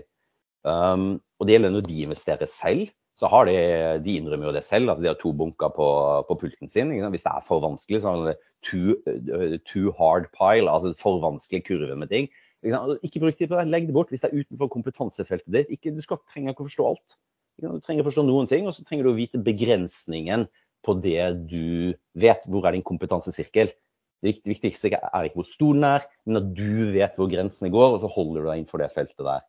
Um, og, det, det, med mentale modeller har jo Munger spesielt vært en eh, veldig godt eksempel på, eh, fordi han har eh, ja, det, det, faglige termen er vel en polymat, altså et, et universalgeni. Han har latt seg inspirere da, spesielt av Ben Franklin, altså en av grunnleggerne av USA. Som var jo både diplomat, oppfinner, forfatter, vitenskapsmann. Men som derav, eh, hvis du søker tilbake, så er jo det inspirasjonskilden til um, Charlie Munger. Og det er jo derfor Charlie Munger uh, leste psykologibøker, han leste biologibøker, han leste filosofibøker. Og så har han da greid ved å destillere dette ned i disse one-linerne. Men bakom der ligger enormt med arbeid, enormt med lesing. Og, og hvis du tenker over det som det vi i dag tenker på som behavioral finance På, på 50- og 60-tallet så fantes jo ikke termen engang. Så han tenkte jo på disse tingene her før folk, før folk, eh, Det var et eget fagfelt, og før folk fikk nobelpris eh, for det. Så var jo han inne og påpekte det med investorpsykologi og det i forhold til tapsaversjon og eh, bekreftelsesfeller og, og, og forskjellige biases, altså tankefeller man har med å falle opp i. Og Det igjen gjør nok at man greier raskt å klassifisere forskjellige problemstillinger ved å ha dette utvalget av mentale modeller oppi hodet samtidig. Nå, nå, ligger det jo veldig mye eh, altså, hva skulle si, eh, intervjuer med de ute på, på nett og sånn også. Men altså, hvis du skulle liksom valgt ut uh, en bok eller to som uh, lytterne kunne lese på, da, på, på liksom å tilegne seg og forstå hva uh, kunnskap og lærdom som Munger og Buffett da, står for, har du noe sånt forslag til det? Ja, Hvis vi trekker frem eh, kanskje to bøker som eh, går med på Charlie Munger som sådan, så er det en bok som heter Poor Charlies Almanac. Den er eh, bl.a. elleve taler han har holdt inne der med kommentarer. Um, som er en ganske stor bok. Uh, fin bok. Uh, hvis du vil ha noe litt kortere, som er ganske konsist, så er det noe som heter Tao of Charlie Munger. Som er en uh, mye sånn korte sitat og, og veldig fin sånn oppsummering. Kanskje et fint inngangspunkt til, til Charlie Munger. Så blir trekker frem, eh, Hvis du vil forstå hva, hvordan Buffett sin reise har vært i forhold til investeringsfilosofi, så er det kanskje den boken som uh, sammenfatter det best. Det er den som heter The Warren Buffett Way. Robert Hagstrøm er forfatteren der. Um, den, den, har jeg faktisk uh, lest. Når sønnen min ble, begynte å fant ut at han skulle bli litt interessert i, i aksjer og hvor starte, så, så, så sa jeg til henne at du vet hva, du kan starte å lese The Warren Buffett Way. Da, da er du ganske godt skodd for uh, mange mange, mange tiår med forhåpentligvis interesse for, uh, for, å investere. Du, Det er et fantastisk utgangspunkt, og det forteller jo mye om uh, den suksessen de har hatt. er jo ikke tilfeldig, den er jo en evolusjonsreise, men også veldig gjennomtenkt. For når du har vokst bokført verdi med 18,5% i året i nesten 60 år, så har du gjort noe riktig jeg, mener at Jeg tror det var Munger som, hadde, som, som sa vel et eller annet om at eh, det de gjorde, var vel egentlig veldig mye fornuftig å unngå å gjøre dumme ting. Og så mente han vel at det var en eh, enorm mengde mennesker i kapitalmarkedet som stadig vekk var opptatt av å gjøre dumme ting. Som, som gjorde at hvis du unngikk å gjøre de dumme tingene, da, ja. da gikk det deg bra. Ja, Um, er, og der er det jo to Han har jo sitat for det meste, men han sier vel at det er mange folk med høy IQ som er forferdelige investorer fordi de har dårlig temperament. Uh, så det kan være en oppmuntring til oss alle uh, når man tenker at man, at man ikke strekker til. Det, han har vel også sagt noe om at klart, har du over et visst intelligensnivå, så kan du gi vekk resten av IQ-poengene og heller fokusere på det mentale aspektet av tingene. Så, og, og, og, nettopp det her så, så er det jo sånn at Eh, man skulle jo tro med, med, størrelsen her at ting stoppet litt opp, og, og det gjør det jo. Altså, ikke i forstand av at det stopper opp, men du ser avkastningen på veksten da, i, i bokført verdi har jo kommet nedover. De siste ti årene har den vært 12% Det er jo en funksjon av størrelsen her, altså Utvalgighetsrommet blir jo mindre. Men det som ikke har endret seg, er jo menneskelig natur. Og nettopp som du er inne på, så er det det mengden investeringsalternativer om det er ny teknologi som kommer inn, eller hva som kommer fra venstresiden, AI skal konkurrere. Det er ikke det som er poenget, er at folk med smarte folk gjør dumme ting hele tiden. Så som du sier, det viktigste er å unngå å gjøre dumme ting, og så fokusere på forrentning over tid. Holder du da på lenge nok, så, så får du et fantastisk eh, resultat. Og de mener jo faktisk at mulighetsrommet i aksjemarkedet har økt over tid. Man skulle jo tro det ble mer vanskelig over tid, men de mener at det har økt over tid. Og kanskje spesielt av to grunner. At markedet har blitt mer institusjonalisert. Um, og det er uh, f.eks. Uh, hvis du tenker på det helt praktisk, så betyr jo det at uh, fokuset i dag hos mange forvaltere er bare å skrape sammen mest mulig AUM. Ikke nødvendigvis har de absolutt beste investeringsideene. Det er bare å få mer AUM og, og drive en fi-maskin ut av det. Og det andre er som har nok i økende grad i de siste årene, er den kortsiktigheten i markedet, der det viktigste for selskapet er å slå guidance for dette kvartalet eller kvartalet etterpå. og Så er det massere analytikerne litt og så prøve å overgå det og så spille det spillet der. Berkshire gjør jo ingenting av de tingene der. Ikke har de noe IR-avdeling, ingen investor calls, alle får den samme informasjonen, alle får delta på årsmøtet og alle får stille spørsmål. Ja, Og bruke tiden sin på å levere eh, avkastning og ikke, og, og ikke kommunikasjon, for å si det sånn. Eh, så det, det jeg husker jo, eh, altså De har jo begge to vært veldig opptatt av fornuften ved å kjøpe tilbake egne aksjer i selskapet, men også vært veldig sånn, sterkt betont at hvis man gjorde det uten at, det liksom, at, at, aksjene var så billige at det var veldig innvandrende for uh, aksjonærene, og, og, heller ble gjort nesten for å, for å um, ja, gi, gi bonuser og opsjoner til ledelsen, så var jo det det, mm. det glade vanvidd. Ja, og det vil jeg si at uh, det, buyback det er jo ikke noe med tilbakekjøp. Det er ikke bra eller dårlig i seg selv. Det er som du sier, det er konteksten det er i. Det som gir mening på én pris, er fullstendig hodeløs på en annen. Altså Det enkle måten å tenke på det på er klart handler noe under prisbok 1, og da en decent egenkapitalavkastning, ja, da er kanskje den enkleste måten å skape uh, earnings per share, altså inntjenings per aksjevekst, er jo da kjøpe tilbake egne aksjer istedenfor å igangsette prosjekter. Um, så er du inne på at Der har jo de i en veldig sånn bevisst stramholdning til det. De har kjøpt tilbake det er 12% av de utestående aksjene de siste fem årene. Men er, da skal måtte, kursene være det de oppfatter som lav. Um, lavere enn det som er kalt in, intrinsic value, som de uh, kaller det. Uh, men den kraften der av tilbakekjøp er jo helt fantastisk uh, over tid. Hvis du tenker på å ta et ekstremeksempel, da. Uh, Apple, som er med 3 trilliarder i market cap riktignok i dag, der eier de 5,8% De 5,8% de øker hele tiden, fordi Apple sitter og kjøper tilbake uh, aksjer. Um, og, og, for store selskap så, så, kan det i mange tilfeller være en bedre måte å bruke pengene på enn hvis du ikke har fornuftige altså investeringsalternativer, uh, eller istedenfor å søle det bort på oppkjøp, som mange selskap er, er gode på. Mm. Men Apple er jo også et godt eksempel på at de så det markedet, tech-utviklingen, veldig sent. Det har vel Buffett sagt noe om? Ja, og de så det veldig sent. Det andre det husker de kommenterte, og det er veldig åpne om feilene sine, det var at de, de, så jo på Google også, eh, og de angrer jo på at de, eh, de, de mener jo selv det er et, et, type case de burde kunne forstått, fordi det har disse klassiske det de ser etter investeringsalternativ. Nå var ikke det så klart for 20 år siden da, at Google ble det, det der, men, men, de har på en måte en sånn økonomisk vollgrav rundt seg, i den forstand at det er en enorm nettverkseffekt. Og etter hvert har det blitt en skalafordel åpenbart i, i, Google også. Men de, de, de, er jo åpne på det, uh, Google. Og ikke minst du sier, Apple. De, de kom for sent inne, de hadde hatt mange muligheter. Eh, til slutt greide å komme seg inn i 2016. Eh, og, hvis vi spoler litt tilbake, da, kanskje ris til min egen bak eh, også. Apple handlet på P12 i 2016. P12, altså, i 2016. De brukte 32 billion dollars. De 32 billion dollars har blitt eh, til 170 billion dollars i dag. 5,8% av Apple.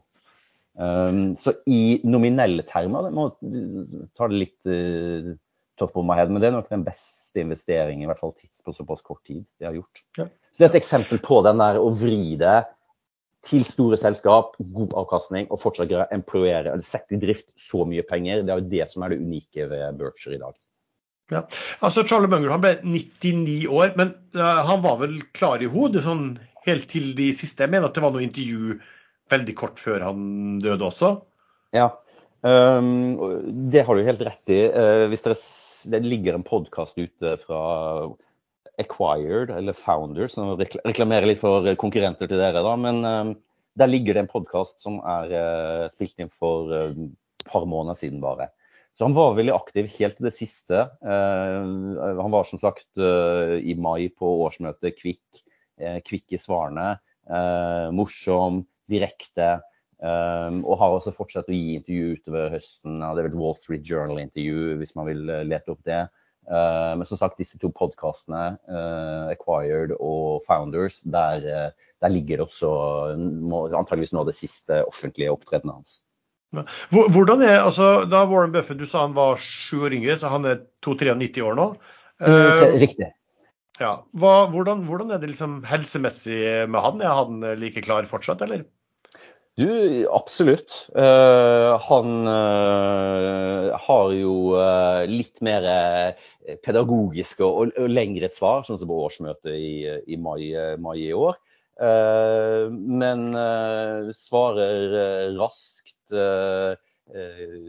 catcher problemstillingen, destillerer det ned. Uh, og så har han en morsom replikk. Om enn ikke like god på one-liners som Munger, så, så, har han alltid god, uh, et par gode replikker på lager, uh, han også. Um, og han har vel tullet, litt tullete sagt da, at han mål, har som mål å bli America's, altså, America's longest serving CEO. Eh, som ble da 103 år. Eh, fordi eh, sånn, The month after he, he, resigned, he died. Så det er jo litt i det der. Altså, man, man blir jo gammel fordi man jobber. Det er vel kanskje noe å ta med oss for alle der. At der er det en inspirasjonskilde. Ja. Altså, eh, Om 20 år, hvordan tror du liksom, kapitalmarkedet da hva, hva, hva, vil de da tenke om eh, Charlie Munger? Eh, jeg tror han både står igjen som eh, med begge de to eh, investeringsfilosofidelen kommer til å stå igjen, og livsvisdoms, som vi også har vært inne. Jeg tror begge ting, det, det der er ting som kommer til å stå seg langt utover vår levetid, fordi det er Han igjen har jo lært av det han kaller de eminente døde. Altså Han var jo en selverklært sånn biografigærning, som han kalte det. Så, så, han har jo brukt mye av livet sitt til å lære av andre. Som dette med menneskelig natur og problemstillinger, som også folk om 20 år eller 50 år kommer til å bli konfrontert med. Ja, da er det mye klokskap tror jeg, å hente i det han prøver å formidle på begge de to frontene. Uh, investeringsmessig og livsfilosofimessig. For Berkshire sin del, helt sånn konkret, så, så er det klart det er veldig synd at han er borte. Han var visestyreformann. Uh, Ehm, så har de begynt en prosess i Berkshire med å fylle på av yngre, i den forstand eh, av de har to eh, fundmanagere, eh, Todd Combs og Ted Wexler, som er på investeringssiden. Og så har du på den operasjonelle siden også to stykker som er på plass, som har vært der lenge. Greg Abel og Ajit Jan. Ajit Jan er på forsikringssiden, og så driftssiden så har du Greg, Greg Abel. De gutta er i 60-årene. Eh, og så er de to investeringsgutta eh, noe yngre, 40 eh, og 50 henholdsvis. Så jeg tror den hva skal vi si, arverekkefølgen den, den, den, er på plass. Sånn det er Berkshire i gode hender. Og det som står igjen om 20 år, så tror jeg Berkshire kommer til den filosofien som er implantet i selskapet. Den blir veldig vanskelig, nærmest umulig å endre. Fordi en, nå har størrelsen blitt så stor. Men to, husk at dette er en ekstremt desentralisert organisasjon. Det er 26 stykker på hovedkontoret. Men så har de 380 000 ansatte totalt i disse selskapene. De eier jo da 70 pluss selskaper heleid. Og så har de jo investeringsporteføljen med eh, noen av disse selskapene vi har vært innom, som Apple og Amex og Bank of America, Chevron og Cola og Occidental Petroleum osv. Så du har 380 000 ansatte, eh, så er det 26 stykker på hovedkontoret. Den, og på hovedkontoret i hvert fall, der sitter jo denne filosofien her i veggene her. Uh, så jeg tror det, det, han har vært med på å skape, også kommer til å stå seg om uh, eh, 20 år pluss. Hva med arven etter han Bøffel skal gi bort 99% av formuen? Har Munger uh, forhåndsklarert hva som skjer nå? Nei, eh, det, det, mener han ikke har. Der er det jo litt sånn, det er jo politisk forskjellig. Det er jo en innfallsvinkel til det. En er jo republikaner og demokrat. Uh, ikke at det har noe å si i forhold til det The Giving Pledge nødvendigvis. Uh, Buffett har jo signert en Giving Pledge der man lover å gi bort halvparten. Um, og har i tillegg sagt at han vil gi bort 99,5 altså til veldedighet. Um, Munger har en litt annen tilnærming til det, men uh, å si at uh, der skal nok gå, pengene gå i, uh, i, arv, sånn som jeg har forstått det. Mm. Du, sånn avslutningsvis. har du én eller to favorittsitater fra Charlie Munger? Ja, det er jo, det er jo veldig mange å, å trekke, trekke, fem her, da. Men jeg vil jo tenke på den med, med investeringer. Han sier liksom all intelligent investering er verdiinvestering, i forstand kjøpe noe for mindre enn det det er verdt.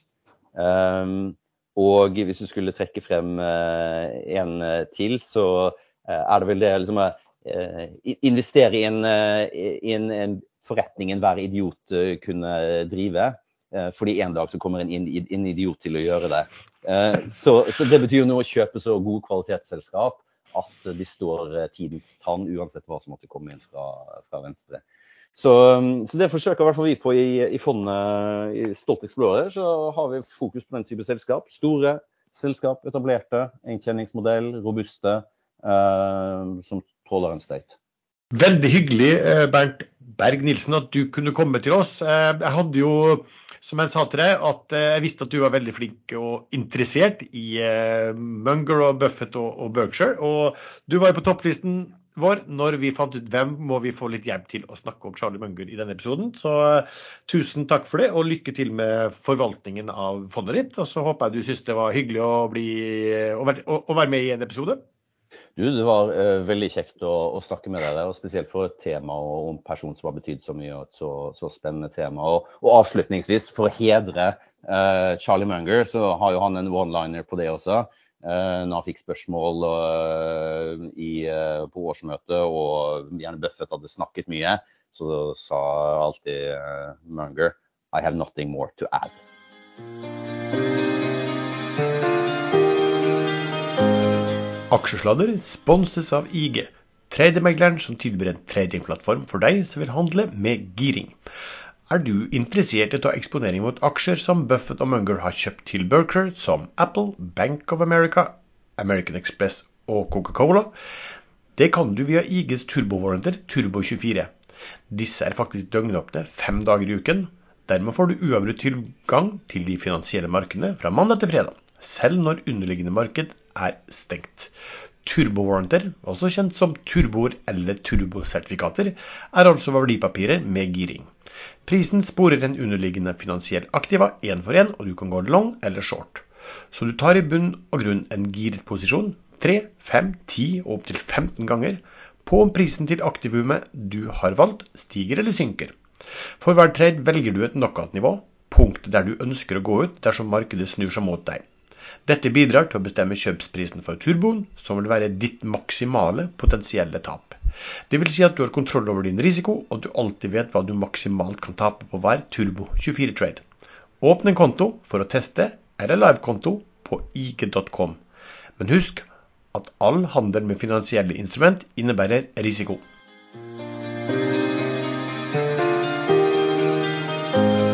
Ja vel, da er vi ferdig med innslaget med dagens gjest. Det var jo interessant. Ehm, men da, Erlend, kan vi høre om har du noen obser eller favoritter for uken som kommer?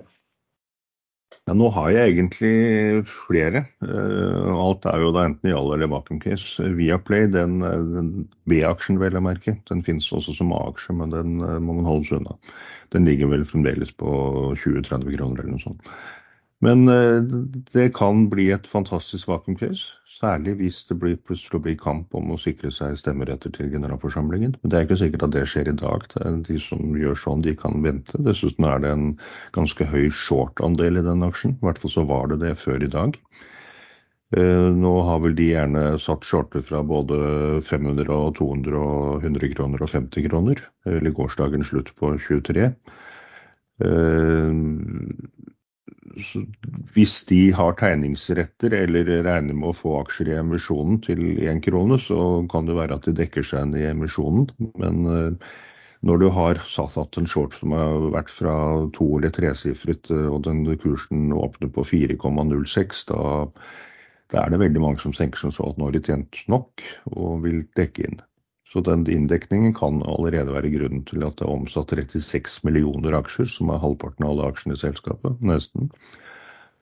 Og kursen ligger på 6,20 nå. Men eh, den kommer til å gå i bølgedaler. Sånn det ser ut nå, så er det ingen eh, stor risiko. Eh, den konker ikke i morgen med den avtalen de har gjort om å innkalle til generalforsamling 10.1. Så vi anser det som relativt lavt risiko, men det betyr ikke at 6,20 eh, som kursen er nå, er en god inngang. Det kan fort ramle til, til der den åpnet i dag, og, og også under det. Eh, ellers er eh, Idex interessant, men de innkalte til generalforsamling den er vel nå 21.12., mener jeg. Eh, der var det ikke kun eh, dette 100 millioner kroners lånet, eh, som jeg kaller det dødsspirallån, som har alle kriteriene for det, som de altså ikke får utbetalt 100 av, men 92 av. Så det koster dem 8% den dagen de får pengene. 6% rente i året og rabatt på kursen hvis, velger å, hvis Idex velger å la dem konvertere aksjer underveis istedenfor å betale tilbake låneratene kontant, som de med det de hentet inn, 35 millioner, har råd til i noen måneder. Men det som irriterte meg, var at de også uh, kom med forslag om spleis. Uh, det kan jo tyde på at uh, Idex ikke er så overbevist om så mange håpefulle tredere at kursen kommer seg over en krone innen rimelig tid. Alternativt så har de fått beskjed av børsen om at når det ligget under en krone såpass lenge at de, de måtte uh, ha det som et punkt på generalforsamlingen. Det trenger ikke å bli vedtatt. Børsen har egentlig ingen uh, hva heter det for noe? Ingen avstraffelsesmulighet hvis aksjonærene velger å ikke kjøre spleisen.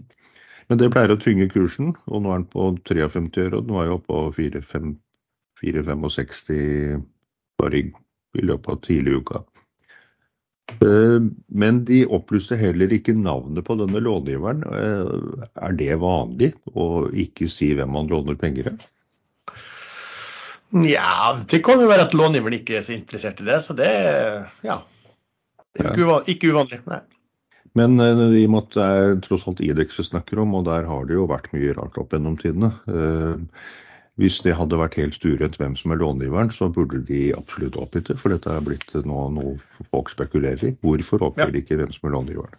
Ja, jeg er i utgangspunktet enig i det. Litt negativt, mulig jeg, jeg, skal sikkert inn i den igjen. Det er en veldig fin tradingaksje, men eh, jeg kjøper nok ikke den i dag. Nå har jeg én aksje. Jeg hadde 100 000 i dag tidlig. De solgte jeg. Jeg hadde en Litt mer enn det for noen dager siden. Uh, Få se.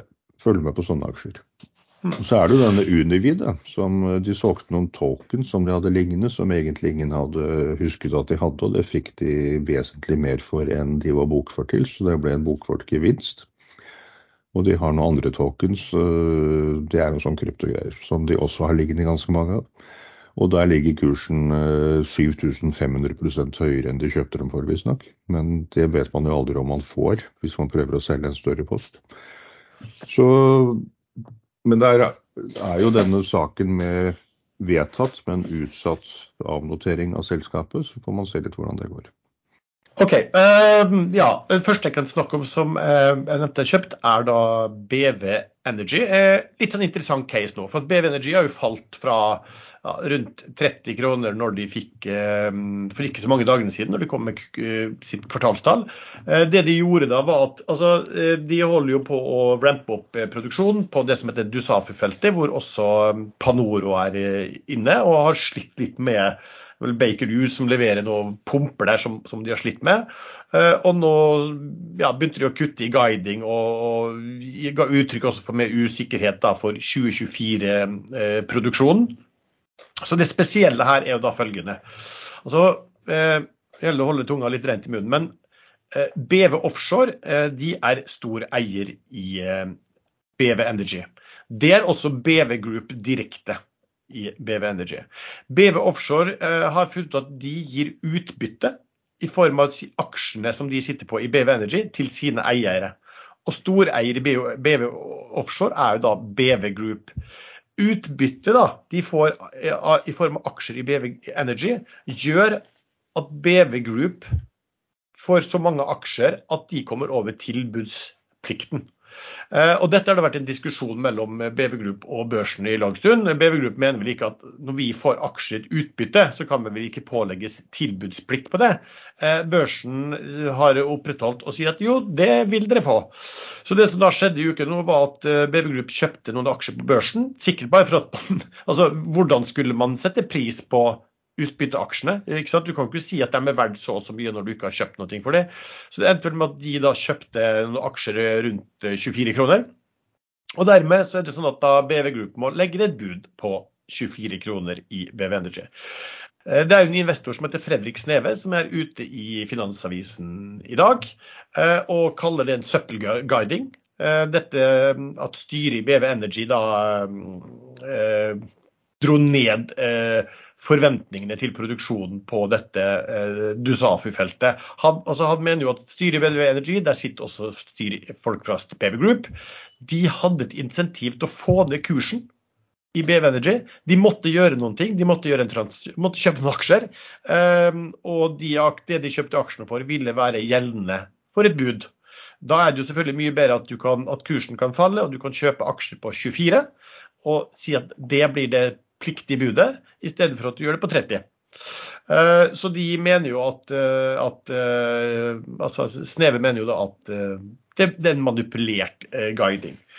Det kan man sikkert mene mye om, men så jeg registrerte jo at Panoro var ute og virket litt overrasket over hvor, liksom, hvor, hvor usikker Um, uh, usikker da BV Energy som operatør ga uttrykk for å være.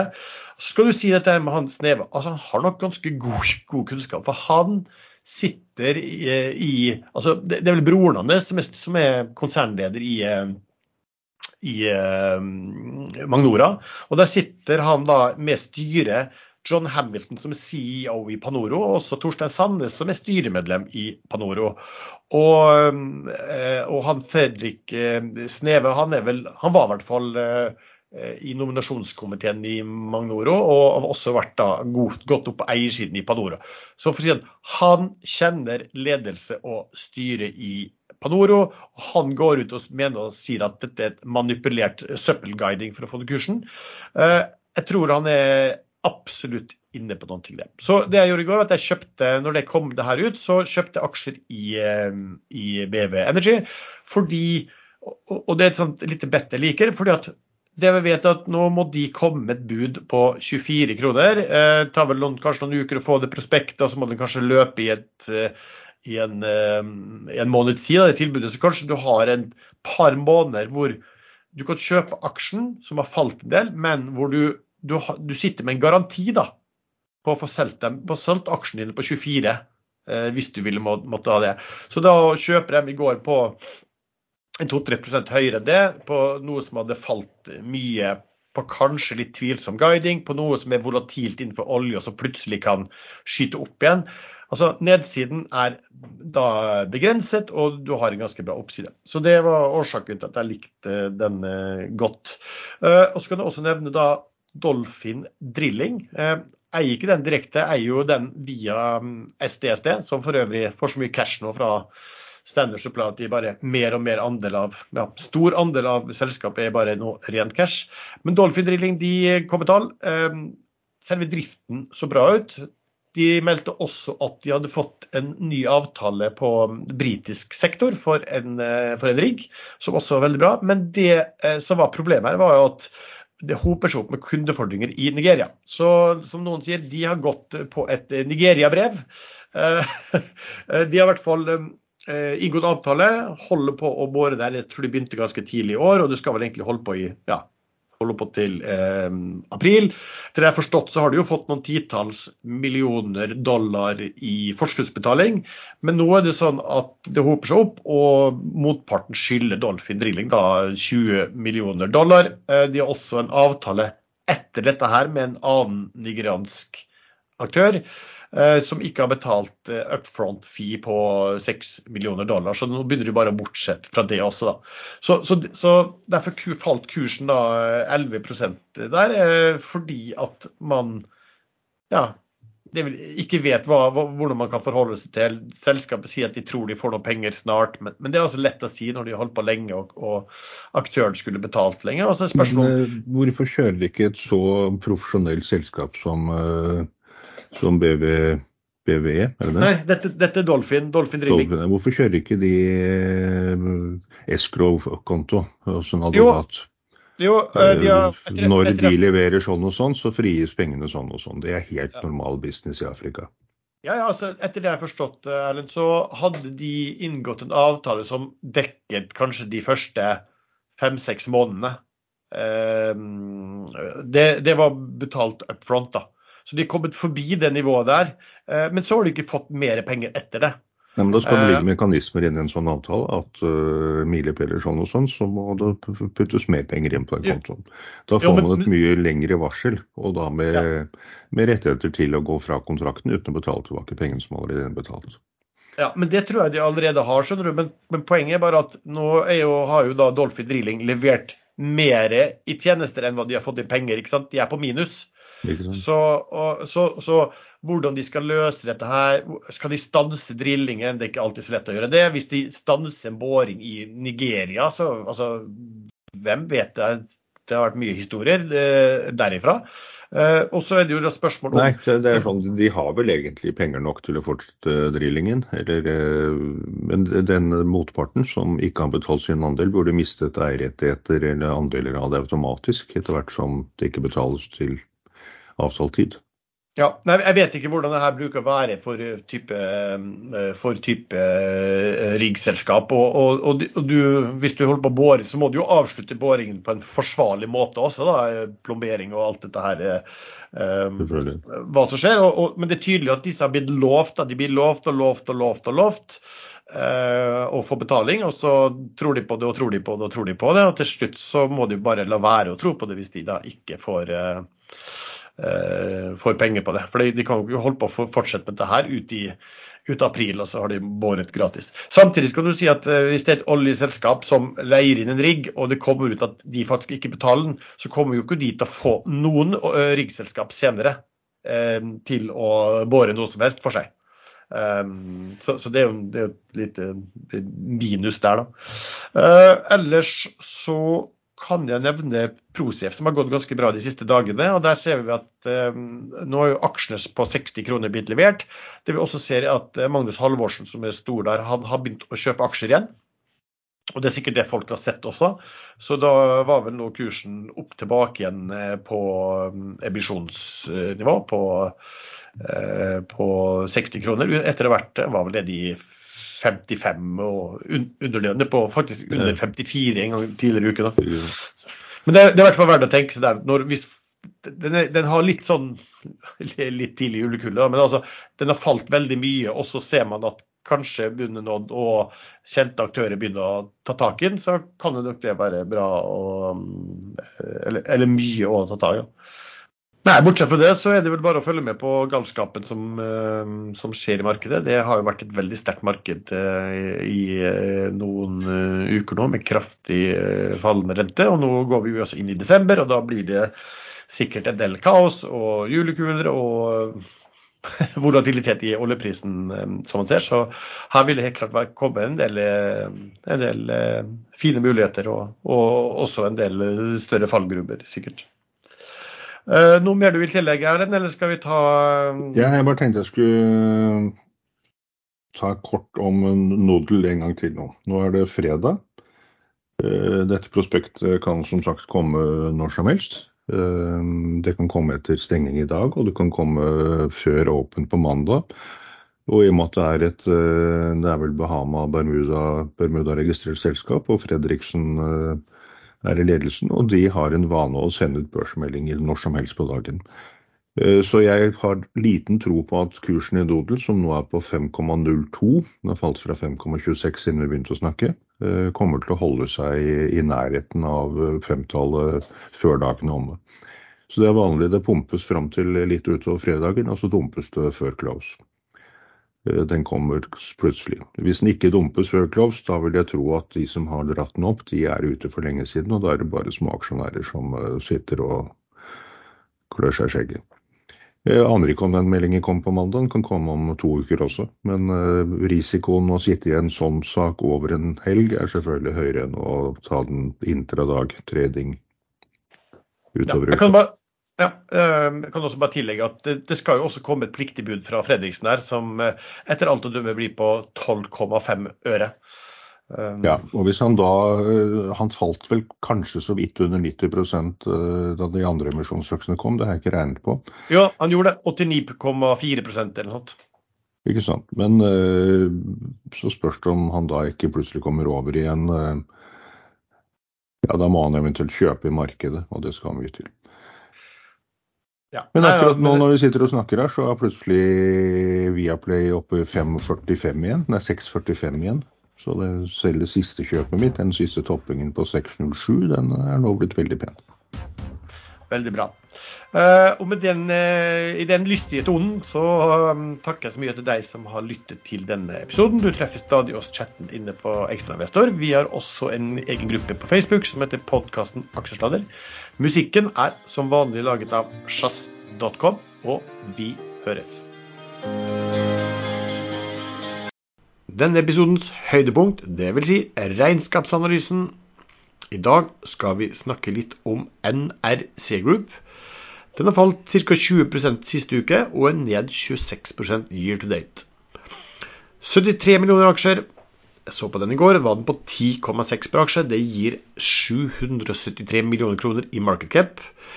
NRC Group, hvis du ikke kjenner til det, det er et entreprenørselskap som leverer infrastruktur knyttet til Eh, jernbane og T-bane, altså Transport Solutions. Eh, de har en nettorente Berniel i selskapet på 992 millioner, dvs. Si en enterprise value på 1,76 milliarder kroner. Det er tre geografiske områder. Eh, Norge, Sverige og Finland. Hittil i år har de hatt inntekter på 4,9 milliarder kroner. Det er en nedgang på 3% fra fjor. Fordelingen er det 37 norske markedet, 22% svenske markedet og 41% i det finske markedet. Eh, EBITDA, EBITDA hittil i år er et fall fra 120 ned til 99 millioner per tredje kvartal. Det vil si 18 fall. Eh, I prosent så utgjør dette da 2 eh, driftsmargin eller mot 2,4% året før. De har ganske gode marginer i Norge. Eh, de har eh, noe Eller ganske brukbare eh, marginer i Finland, mens de går i minus i Sverige. Så, og det kan man tenke litt på, at hvis Sverige hadde vært vist nulltall, så hadde EBITA per tredje kvartal økt fra 99 til 145 millioner kroner. Da hadde man hatt en eh, driftsmargin på 3,8 Merk at jeg ikke sier EBIT da, jeg sier EBIT A. Det vil si at eh, avskrivning er med, men nedskrivning eh, holder jeg da utenom. Eh, sånn Lønnsomhetsmessig så har lønnsomheten falt i Finland i år. I Norge har den vært eh, forbedret, og i Sverige er den litt på vei opp, selv om altså fortsatt negative tall. Eh, hvis du tar Q3 og omregner det per Q3 og omregner det til et år, så får du ca. Eh, EV-EBITA på 13,4, og da er altså eh, EBITA-utviklingen negativ. Men eh, hvis du da tenker at Sverige et slags hvert null, eller leverer eh, nullresultat i stedet for minus. Så det EBITA blitt klart forbedret til 9,1. Hadde du tenkt at Sverige hadde klart 2 eh, driftsmargin, Da hadde du vært på en evig EBITDA på 8. Så det bare viser at når du har et område som leverer såpass dårlig, så er det greit å se hvordan tallene blir hvis du kan klare å få en anstendig Eh, driftsmargin på, på, akkurat den biten der. En annen måte å tenke på, selvfølgelig, som, som man kunne gjort hadde man regna litt mer på det, og, og si at OK, hva, hva ville skjedd hvis du hadde solgt eh, den svenske biten på det? For per i dag så vil jo den bare trekke ned verdien, eh, sånn som markedet tenker på det.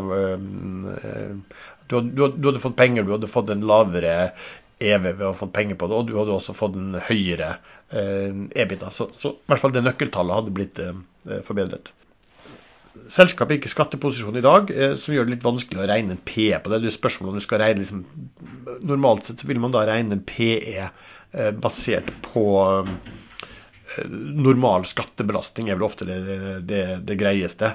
Jeg, jeg, tror vel så hittil, det jeg så hittil i år, var at de ligger vel rundt på en PE kanskje opp mot 15 på de tallene der, uten skatt, og med skatt 20 da.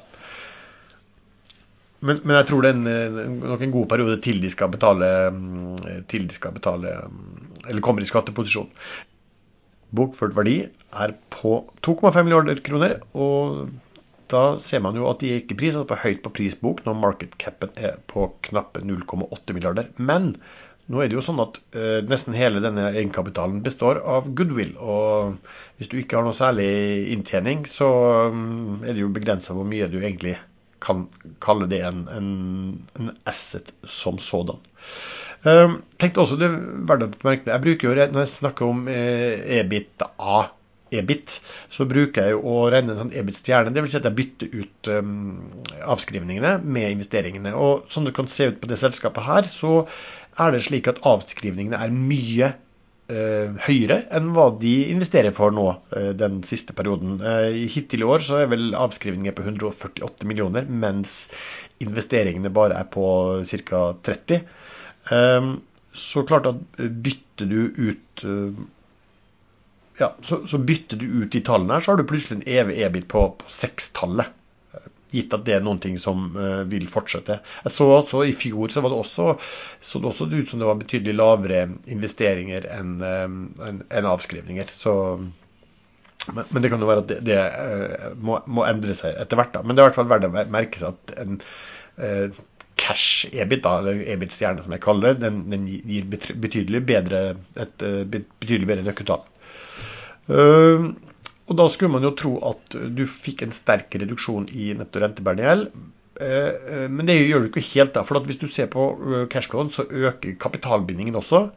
Altså Mens du har nullvekst i inntekter, så har kundefordringene økt med 10% og leverandørgjelden med bare 5% Og Du kan tenke deg at isolert sett så vil du ikke at kundefordringene skal stige når, når, når inntektene ligger flat, men, men, her er det øyeblikksbilder som kan endre seg mye til eh, neste kvartal. Og så vil du også da gjerne at hvis du har kundefordringene som øker med en prosentandel, så vil du gjerne at leverandørene også skal få betalt si, like sent som du får betalt. da. Eh, det vil si at de skal øke like mye, men eh, her øker det mindre. Så det, så det spiser inn da på, på cashflowen du ellers ville hatt fra Eh, fra driften din. Eh, en av de tingene som nok gjorde at dette selskapet fikk eh, en smell etter Q3, er noe som, som, ikke står i selve regnskapet, men som står med informasjon i rapporten. Det er at ordremengden har gått solid ned i Q3. Uh, altså book to bill, dvs. Si at hvilke nye ordre får du i forhold til hva du har levert, inntektene i kvartalet. Og det er 0, fra 0,7 i Q3. Og, og ordrene er jo da Ordremengden er også 23 lavere eh, per Q3 eh, 2023 enn det var ved Q3 2022.